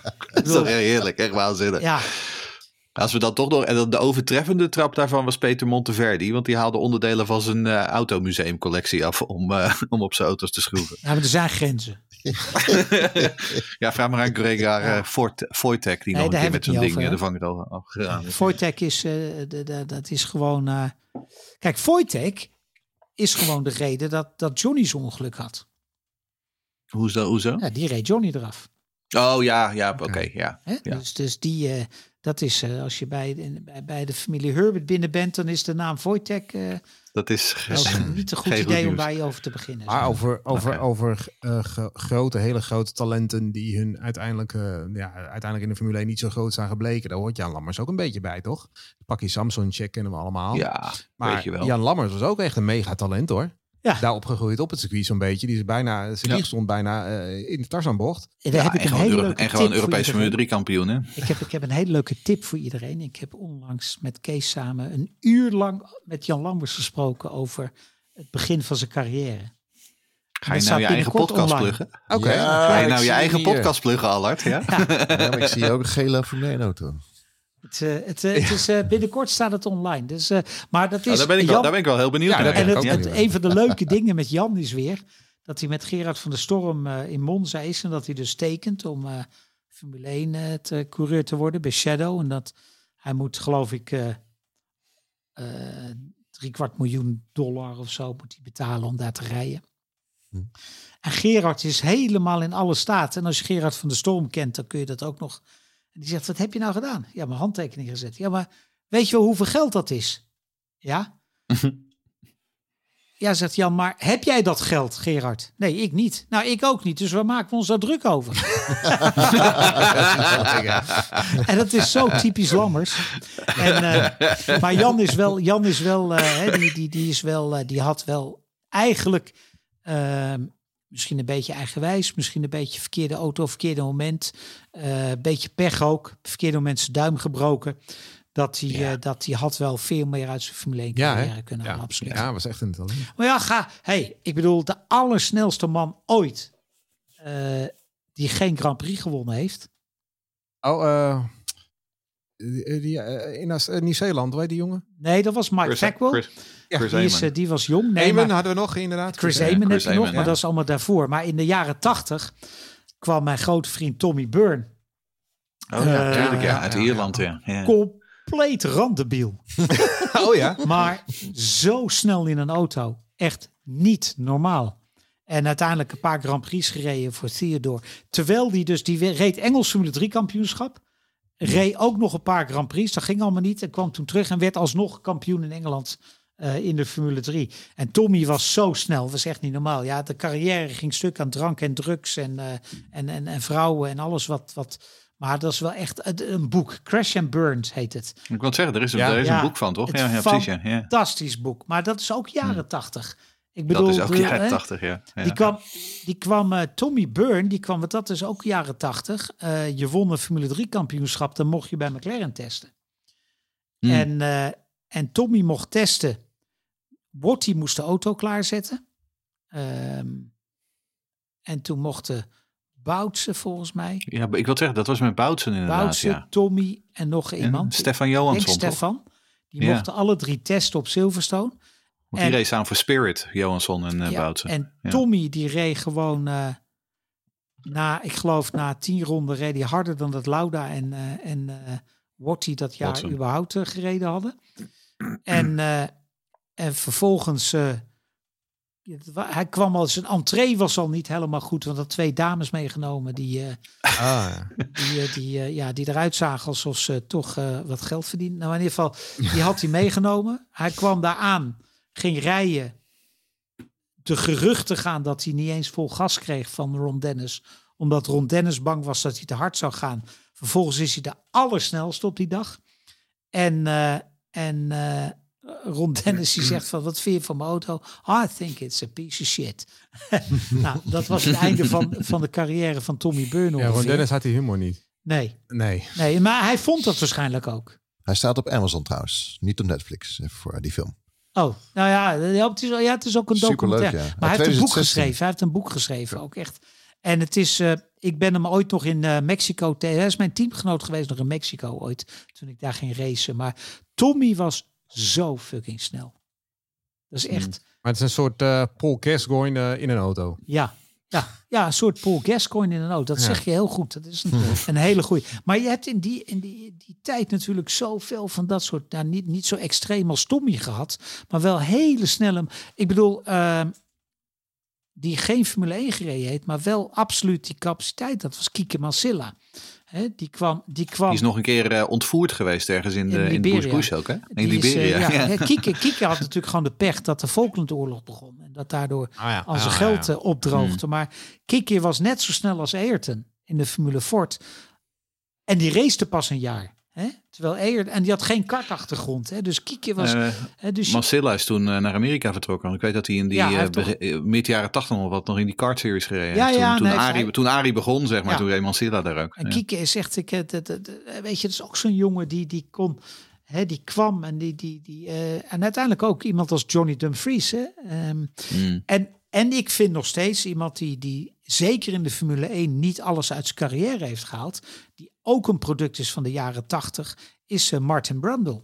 Oh ja, zeker. Mm. Maar die heeft ook eh, met Senna in de jeugd. eh, Ja. Die gewoon, die eindigde gelijk op punten bijna. Ja, ja. Het ging Ja, in de ja. laatste wedstrijd tussen Senna en Brundle. Maar ook als je het, het en dan gaan we even gauw naar de jaren negentig. Maar als je het, het jaar eh Brundle en Schumacher bij, bij Benetton, eh, kun je natuurlijk zeggen dat Martin meer ervaring had dan, dan, dan Schumacher. Maar hij was vaak niet te minder hoor. Nee, absoluut niet. Hij had alleen iets meer eh, technische problemen. Ja. Ja, hij heb- ik heb toevallig Canada, pas- ik Canada heb- had hij moeten winnen, ging zijn Ja. bakstuk. In eh, Spa, ja. in Spa eh, was hij tien seconden te laat met vragen om, om, om, naar Slicks om te gaan. te, te switchen naar banden. Ja, Ja, ik heb en- toevallig pas 92 terug zitten kijken. Dus ik heb, ik, het viel mij ook op inderdaad dat Brundle... Ja. Op de, als je kijkt naar de resultaten is Schumacher veel beter. Ja, Naar, naar, de, naar de, de puntenstand. Maar als je kijkt inderdaad naar wat er daadwerkelijk in de wedstrijden gebeurde... viel het heel erg mee. Ja, Ja. Schumacher reed pas een half jaar Formule 1. Nee, nee, nee, Nou ja, dat is het, dat is het dus- ja maar, maar, maar nee, maar luister, ook, eh, dat buiten, huis. buiten, buiten kijf, hè, dat uh, Schumacher staat bij. Maar Brundle, want ook Brundle tegen Bellof, dat was gewoon on, ging om het even. Hè? Dus, Hmm. dus Martin Brundle is echt, ja, eh, ja die, heeft, die heeft gewoon niet alles uit zijn carrière gehaald. Terwijl die in die, hè, en, Maar ga maar door. Ik bedoel, de, de, Nou, Jean en Le- Jean en Lazy kunnen we ook nog wel Ja, de lijst- de lijst- de lijst is lang. Hè? Dat, dat, ik bedoel, als je ta, ta- jaren tachtig, eh er kwam een, een, een zwik Fransen, er kwam een zwik Italianen. En waarvan Hmm. echt een heleboel waarvan je, waarvan je achteraf kan zeggen van... jongen, die hadden toch wel kwaliteiten. Hè? Ik bedoel, en, wel, en, ja. Hè, ik bedoel, Ja, dat, dat, dat verbaast me inderdaad wel. Of nou ja, wat, wat, wat we hebben over een, een deel van de jaren tachtig. Het feit dat Marlboro in principe gewoon de halve grid eh sponsorde. Ferrari en Ja, McLaren sowieso. Op een gegeven moment, ja, maar al die Alfa coureurs ook. ja. Al die coureurs. Ja, ik, ja. ik las op een gegeven moment ergens in een van die, van die autocourse jaarverslagen. Dat, dat was op 87 of 88. Dat alle coureurs, met uitzondering van Eddie Cheever, hadden eh tabakssponsoring. Ja. Eh, ze- eh, het zij via team, het zij eh, eh, eh, persoonlijk. Eh, en dat was dan dus hè, Marlboro, Camel, eh, nou, noem ze allemaal maar op. Al die. Gitanes. Ja. Gitan inderdaad, ja precies ja. En, en, en Barclay stond op een gegeven moment op die arrows natuurlijk. Jordan. Maar, het was het, maar die, eh, Marlboro liet destijds gewoon de halve Formule 1. eh hield, hield dus op de been in principe. Zeker, ja. En er stond op een gegeven moment, daardoor in 1990, stonden er geloof ik 14 Italianen op de grid. Wat, wat, wat echt krankzinnig is als je dat nu, vergelijkt met nu. ja. En geen wereldkampioen geworden. En geen Nee, wereldkampioen, niks, want dat doen ze al niet meer sinds 1953. Nee. Maar Nee, kijk, helaas. dat, dat is ook wel geestig dat je dat helemaal... Want als je Marlboro bekijkt, hè, Marlboro is natuurlijk heel veel eh, invloed gehad achter de schermen. Eh, Hmm. Vanaf eh, eind jaren, Ja, midden jaren zeventig, zeg maar. ook in de junior-series. Eh, en en Ja. daarna in de junior, ik ben, ik ben jarenlang Marlboro-rijder geweest. Maar als ik nu kijk Hmm. naar eh, hoe, hoe, dat, hoe dat nu gaat met Red Bull. dat is een En beetje, hoe dat ja. met mij ging in de jaren tachtig. Dat is gewoon, die hebben gewoon een blauwdruk genomen van, eh, ja. van wat Marlboro gedaan heeft. En die doen nu eigenlijk, het is gewoon een Marlboro World Championship 2.0. Ja, Hè, We Ja, hadden het ja. NWCT. En dan kreeg je Mhm. van Gray, uit, uit Lausanne contract. En dan moest je, moest je daar eh, je handtekening onder zetten. En als je het ging lezen, dan dacht je, dat heb ik in godsnaam getekend. Maar, maar goed. Dus, dus maar nu eigenlijk met Red Bull gaat Ja. precies hetzelfde. En, en het, het, het aparte is ook dat mensen roepen wel eens, ja, die Marco, die is zo, zo bot. En je bent een, eh, het ene jaar, dan, dan eh, mag je komen, krijg je alles betaald. Het volgende jaar sta je bij het Golvenvel. Was in de jaren tachtig niet anders, hè, met Marlboro. Er waren jongens die Ja. reden een heel jaar in Marlboro kleuren. En eh, stonden daarna aan de lopende band vlees te verwerken. Want het is, was klaar en over en uit. ja, maar dat is topsport. Zo werkt dat. Ja. En dus er is niks Ja. veranderd hoor. Nee. Nee, nee, Red Bull eh, sowieso energiedrank. Mo- Monster hebben we natuurlijk ook. Wat doet u? Wat zou je zeggen? Nou, ik, ik zeg, eh, dit is, dat vond ik, denk, dit, dit vond ik zo mooi afronden. Zeg maar, dat we van Marlboro naar Red Bull. En zo waren we in het moderne tijd aangekomen. Ja, maar, En ik denk ook aan Lucas die dit allemaal in- bij elkaar moet gaan Nee, monteren. ik, ik, ik heb de rode oortjes. Ik zit alleen ja, naar maar, luister, te maar kijken. luister, er is toch eigenlijk, als je gaat kijken, er is, hè, er is eigenlijk niks veranderd. Hè? De, de wereld is, is nog Nee, er is heel veel veranderd, maar tegelijkertijd is er ook heel weinig Nee, veranderd. en het ja. enige wat echt veranderd is, en dat, dat vind ik echt jammer, is dat je dus geen Eurobrun en geen AGS en geen pre-qualifier Ja. hebt. En dat je, geen, dat je geen teams hebt die gewoon zeggen, we komen zes racers rijden en we gaan weer naar huis. Dat vind ik wel jammer, dat dat, dat dat er niet meer Ik begrijp het wel, maar ik, Absoluut. ik vind het wel maar, jammer. Wat, wat ik heel erg mis... Allard, je weet, dit is, waarom ik, dit is waarom ik mijn boek geschreven heb. Omdat ik juist die periode, die tijd mis. Ik mis inderdaad de kleine, eh, eh, eh, de kleine teams, Ja. inderdaad, die gewoon ja, volledig voor spek en bonen meededen. Maar ze deden wel mee. Maar ik mis ook de Ja. ontwikkeling. Natuurlijk, alles wordt door de simulator uitbedacht en weet ik het allemaal. Maar vroeger kwamen er gewoon vers- een, eh, gekke dingen op die auto's. Dubbele bodem, eh, een, een, eh, Zes wielen. Ja, dat mis ik een beetje. Het, het, het- en inderdaad, het op de radio, dat gemekker. Dus het- ja, ik vind het toch wel anders dan de jaren 80. nou, wat, maar- je, wat je, wat je enorm eh, gaat missen dadelijk in de Formule 1, wat ook een probleem gaat worden in de- Formule 1. het mooie geluid. Nee, wat echt, wat echt een serieus probleem gaat worden, is dat ehm, er geen één klasse meer is vanaf Formule 4 tot en met Formule 1, waar een technische vrijheid is. Dus je hebt dadelijk allemaal engineers en monteurs. Dat zijn allemaal assembleerders. Er is helemaal niemand die meer iets kan dadelijk. En dat wordt dan in de Formule 1 een probleem. Want daar moet je het wel zelf allemaal gaan bedenken en maken. Ja. En, en waarom zijn mensen als Adrian Newey nog succesvol? Omdat ze Het verschil maken. het verschil Hmm. maken, creatief zijn, Ja. begrijpen hoe een auto werkt. En dat is een uitstervend ras. En dat is dadelijk echt een probleem. En ik geef je nu op een briefje. Over tien jaar zijn alle auto's eh, voor 80% hetzelfde. Ja, dat zie je al de straatauto's al. Ja, maar in de Formule 1 gaat het Ja, zo. nee, Want je eens. hebt alleen maar assembleerders. Ja? Er is helemaal niemand, er is helemaal niemand die normaal een auto nog. Ik bedoel, een auto uitlijnen is al gewoon. eh, En, dat- en AI komt erbij kijken. Maar wat wel het grote voordeel is, eh, is, is dat ik nu wel alles kan zien. Ik bedoel, in mijn jeugd eh, keek ik Hmm. niks. En nu zie ik alles. Ik zie iedere vrije training als ik dat wil. Ik zie iedere is testsessies die we volgende week, eh, de 21, Ja, ja. 22, 23 gaan we die weer krijgen. Ken ik ook lekker 's ochtends op de bank gaan zitten Ja. om acht uur. En dan kijk ik gewoon acht uur lang naar helemaal niks eigenlijk. Maar gewoon rijden de auto's. Luister je naar mij? Ja, nou ja, inderdaad. Ja. Je Ik, moet wel eh, meer betalen dan vorig jaar, maar dat terzijde. Bij Viaplay, ja, maar dan moet je overal. Ja, maar jij, eh, kijk jij Viaplay of even? Nee, F1 TV. Voor, Maar ik, eh, eh, ik heb nieuws voor je. Benzine is ook duurder dan vorig jaar. Ja. En je kopje koffie ook. Nee, maar inderdaad, ik verheug me daar alweer ontzettend op. En eh, dat wordt nu heel vaak voor kennisgeving aangenomen. Maar ik kom nog uit de tijd dat je twee races per jaar zag en stuurde sportverslaagjes. En, en ik zie nu mijn, mijn zonen, die kijken gewoon alles. En dit is voor hun heel normaal geworden. Ja, dat ben ik je wel met je eens. Aan de andere kant eh, vraag ik me af of dat ook goed is altijd, eh, Jeroen. Omdat ik, ik, ik ben ook een beetje van de Bernie Ecclestone school. Ehm, die zegt dat je mensen een beetje eh, hongerig moet houden. Nee, dat is veel. Dat die het Bernie, maar die Bernie Ecclestone school is er ook. Die heeft ons ook eh, eh, begin jaren negentig de Eurosport uitzendingen gebracht. Nee, Ja. maar, Waardoor we, op, waardoor we opeens alle trainingen konden zien. Eh, en om eerlijk te zijn, dat was voor mij het perfecte middelpunt. Ik kon alles zien, maar het was nog de Formule 1 van toen. Nee, maar Want dat, dat- is waarin maar dat- ik groot ben gew- geworden. Dat ik inderdaad gewoon op vrijdag en op zaterdag voor de trainingen eh, Eurosport aan kon zetten. hey, Jeroen, helemaal met je eens. En ik heb er drie jaar lang met enorm veel Ja, ja, plezier dat John zeggen. Watson, eh, gewerkt. Hey, John Watson. Ja, exact, En, ja. ik, Ja, ik exact. schreef dat als de auto's rijden zijn we live.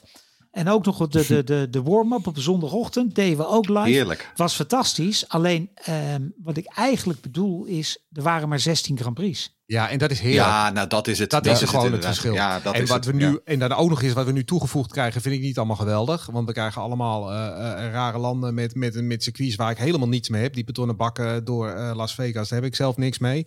Eh, dus ik ben daar ook nog wat ouderwets in, inderdaad.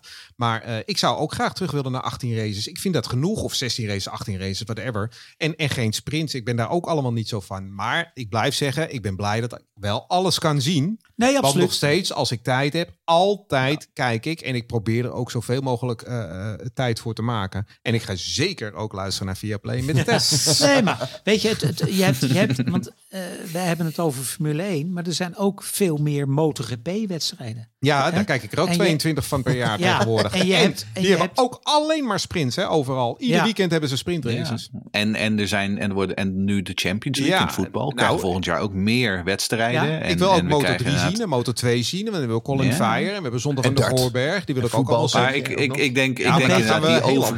beetje, Ik denk, nee, dat, ik denk dat wat, wat Allard zegt, die overdaad. Ik denk dat dat inderdaad, dat is, een vroeger. Probleem. Ja, Ja, en dat is gewoon een probleem. Ik, bedoel, ik vind En dat is niet Indy- alleen in de autosport zo, dat is niet alleen in de motorsport Nee. zo, dat zie je overal. Maar IndyCar, 16 wedstrijden. 17, 17. maar ja, inderdaad. 17 ook goed. Maar ik bedoel, 16, Ja. wed- 16 17 races. Maar ook in Amerika, ook IndyCars nu aan het kijken. Ja, misschien toch een race in Mexico erbij. Misschien toch nog een extra race hier. Ook die zijn aan het kijken van kunnen we niet naar de 20. Weet je, het, het is ook aanstekelijk hè, dit soort, eh, dit, dit soort eh, expansiedruk. Ja, want er komt geld binnen. Rolt Nou geld dat is- binnen. We- we- Ze en hebben dat is het. tienjarige contracten Ja. voor, voor tientallen Ja. miljoenen getekend. Ja, dat, dat, dat, dat is interessant. Maar, maar, Maar, ik merk wel inderdaad dat vergeleken met hoe het was in de jaren 80 en 90, toen ik inderdaad echt nog voor elke wedstrijd. ehm, Ja, was ik, ik, ik liep echt warm. Ik, eh, we hadden het, er van de week over. Dat jij zei van ja, da- oh, dan is de test op Bahrein. Joh, ik had er nog helemaal niet eens over na. Eh, het, het interesseert mij gewoon niet. Ik merk echt zoiets. Oh ja, Bahrein. Oh ja, we gaan bijna weer beginnen. Oh ja. Weet je, eh, het, het gevoel is er niet meer.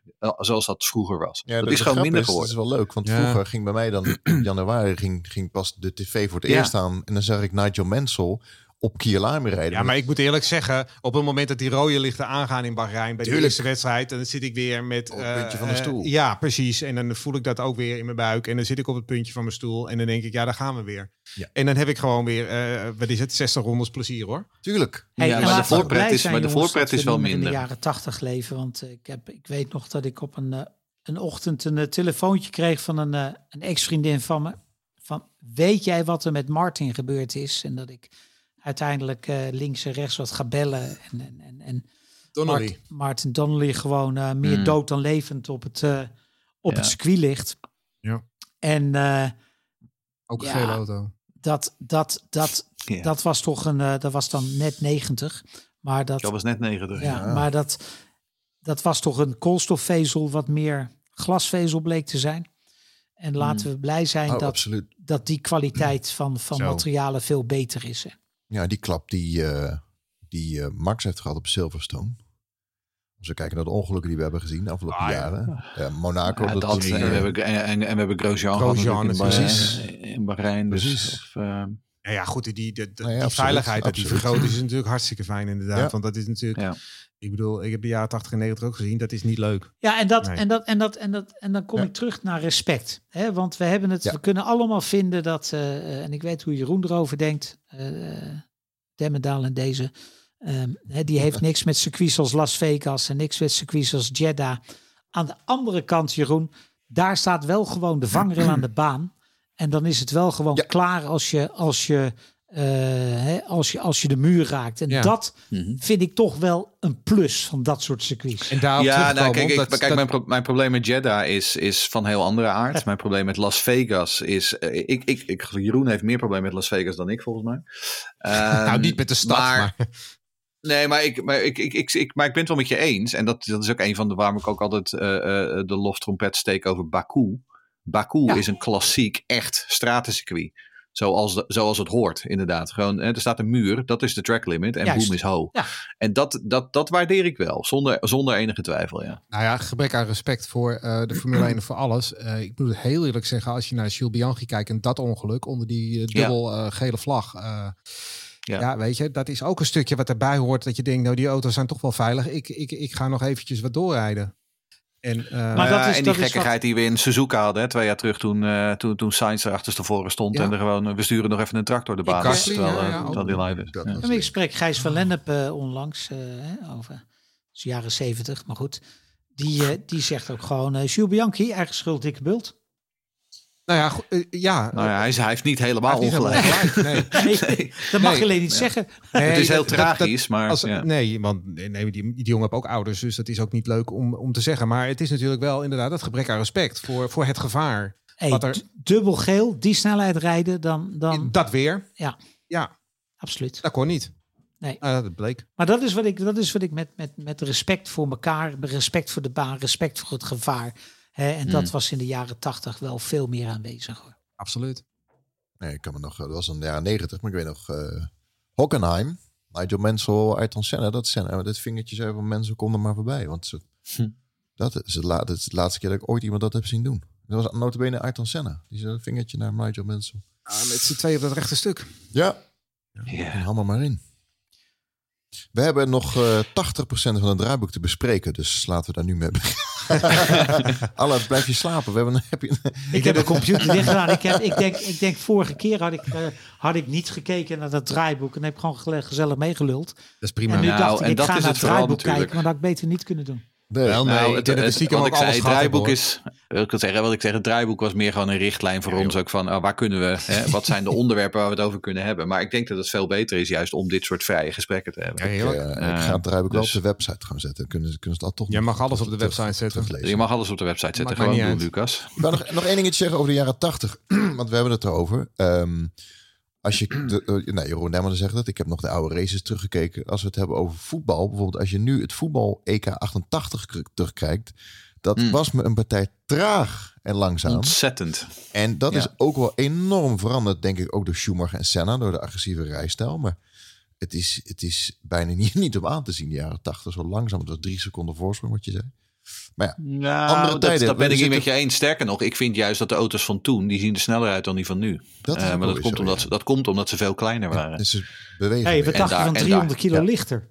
Ja, nou, dat, ja. maar, maar kleiner, lichter en dus ook daardoor ook gewoon minder veilig. Ja, maar ook gewoon met de hand schakelen, jongens. Dat was toch geweldig? Ja. Gewoon, uppatee, even de pootje, uppatee. Oh, ja, dat was ja, toch ja. geweldig, Waanzinnig. jongens? Kwam ook Ja, in de echt jaren waanzinnig, 80. hè? Ja, Ja. ja, ja. Die- Bizar. De eerste, on- de eerste ja, onboard. Je kan zeggen, alles ging langzamer vroeger. Dan zeg ik eh, tegen mensen, jongen, zet Once Upon a Time in the West op. dan weet je pas wat langzaam is. Ja. Ja, dat is zeker waar. ja, maar die duurt, die duurt maar, hè, die film. Ja, Ja. die Oh. duurt maar. Ja, volgens mij wordt er de eerste tien minuten ook niks gezegd. ja. Alleen maar Dat shots. kunnen, ja. Ja. ja. Oké, eh, we gaan eh, eh, ons. Eh, eh, we gaan ook een 90s podcast eh, special opnemen, denk ik. dat is. Ja, maar die, ver- die, die ver- bewaren we voor volgend Ja, jaar. we volgend jaar. We gaan nu weer beginnen met het echte... Oké, ehm, dat was al. Allard, dankjewel hè. Allard, heel erg Weer. bedankt weer. ja, graag gedaan. Super leuk dat je er was. Ja, zeker, super gaaf.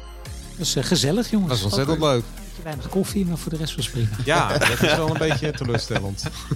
Lucas, je had toch catering geregeld? Ja, dat eh, doen we. Die was te laat, heb ik Ja. gehoord. Heren, dank jullie wel. Tot de volgende. Yes. Graag gedaan. Hoi hoi. hoi. Hoi.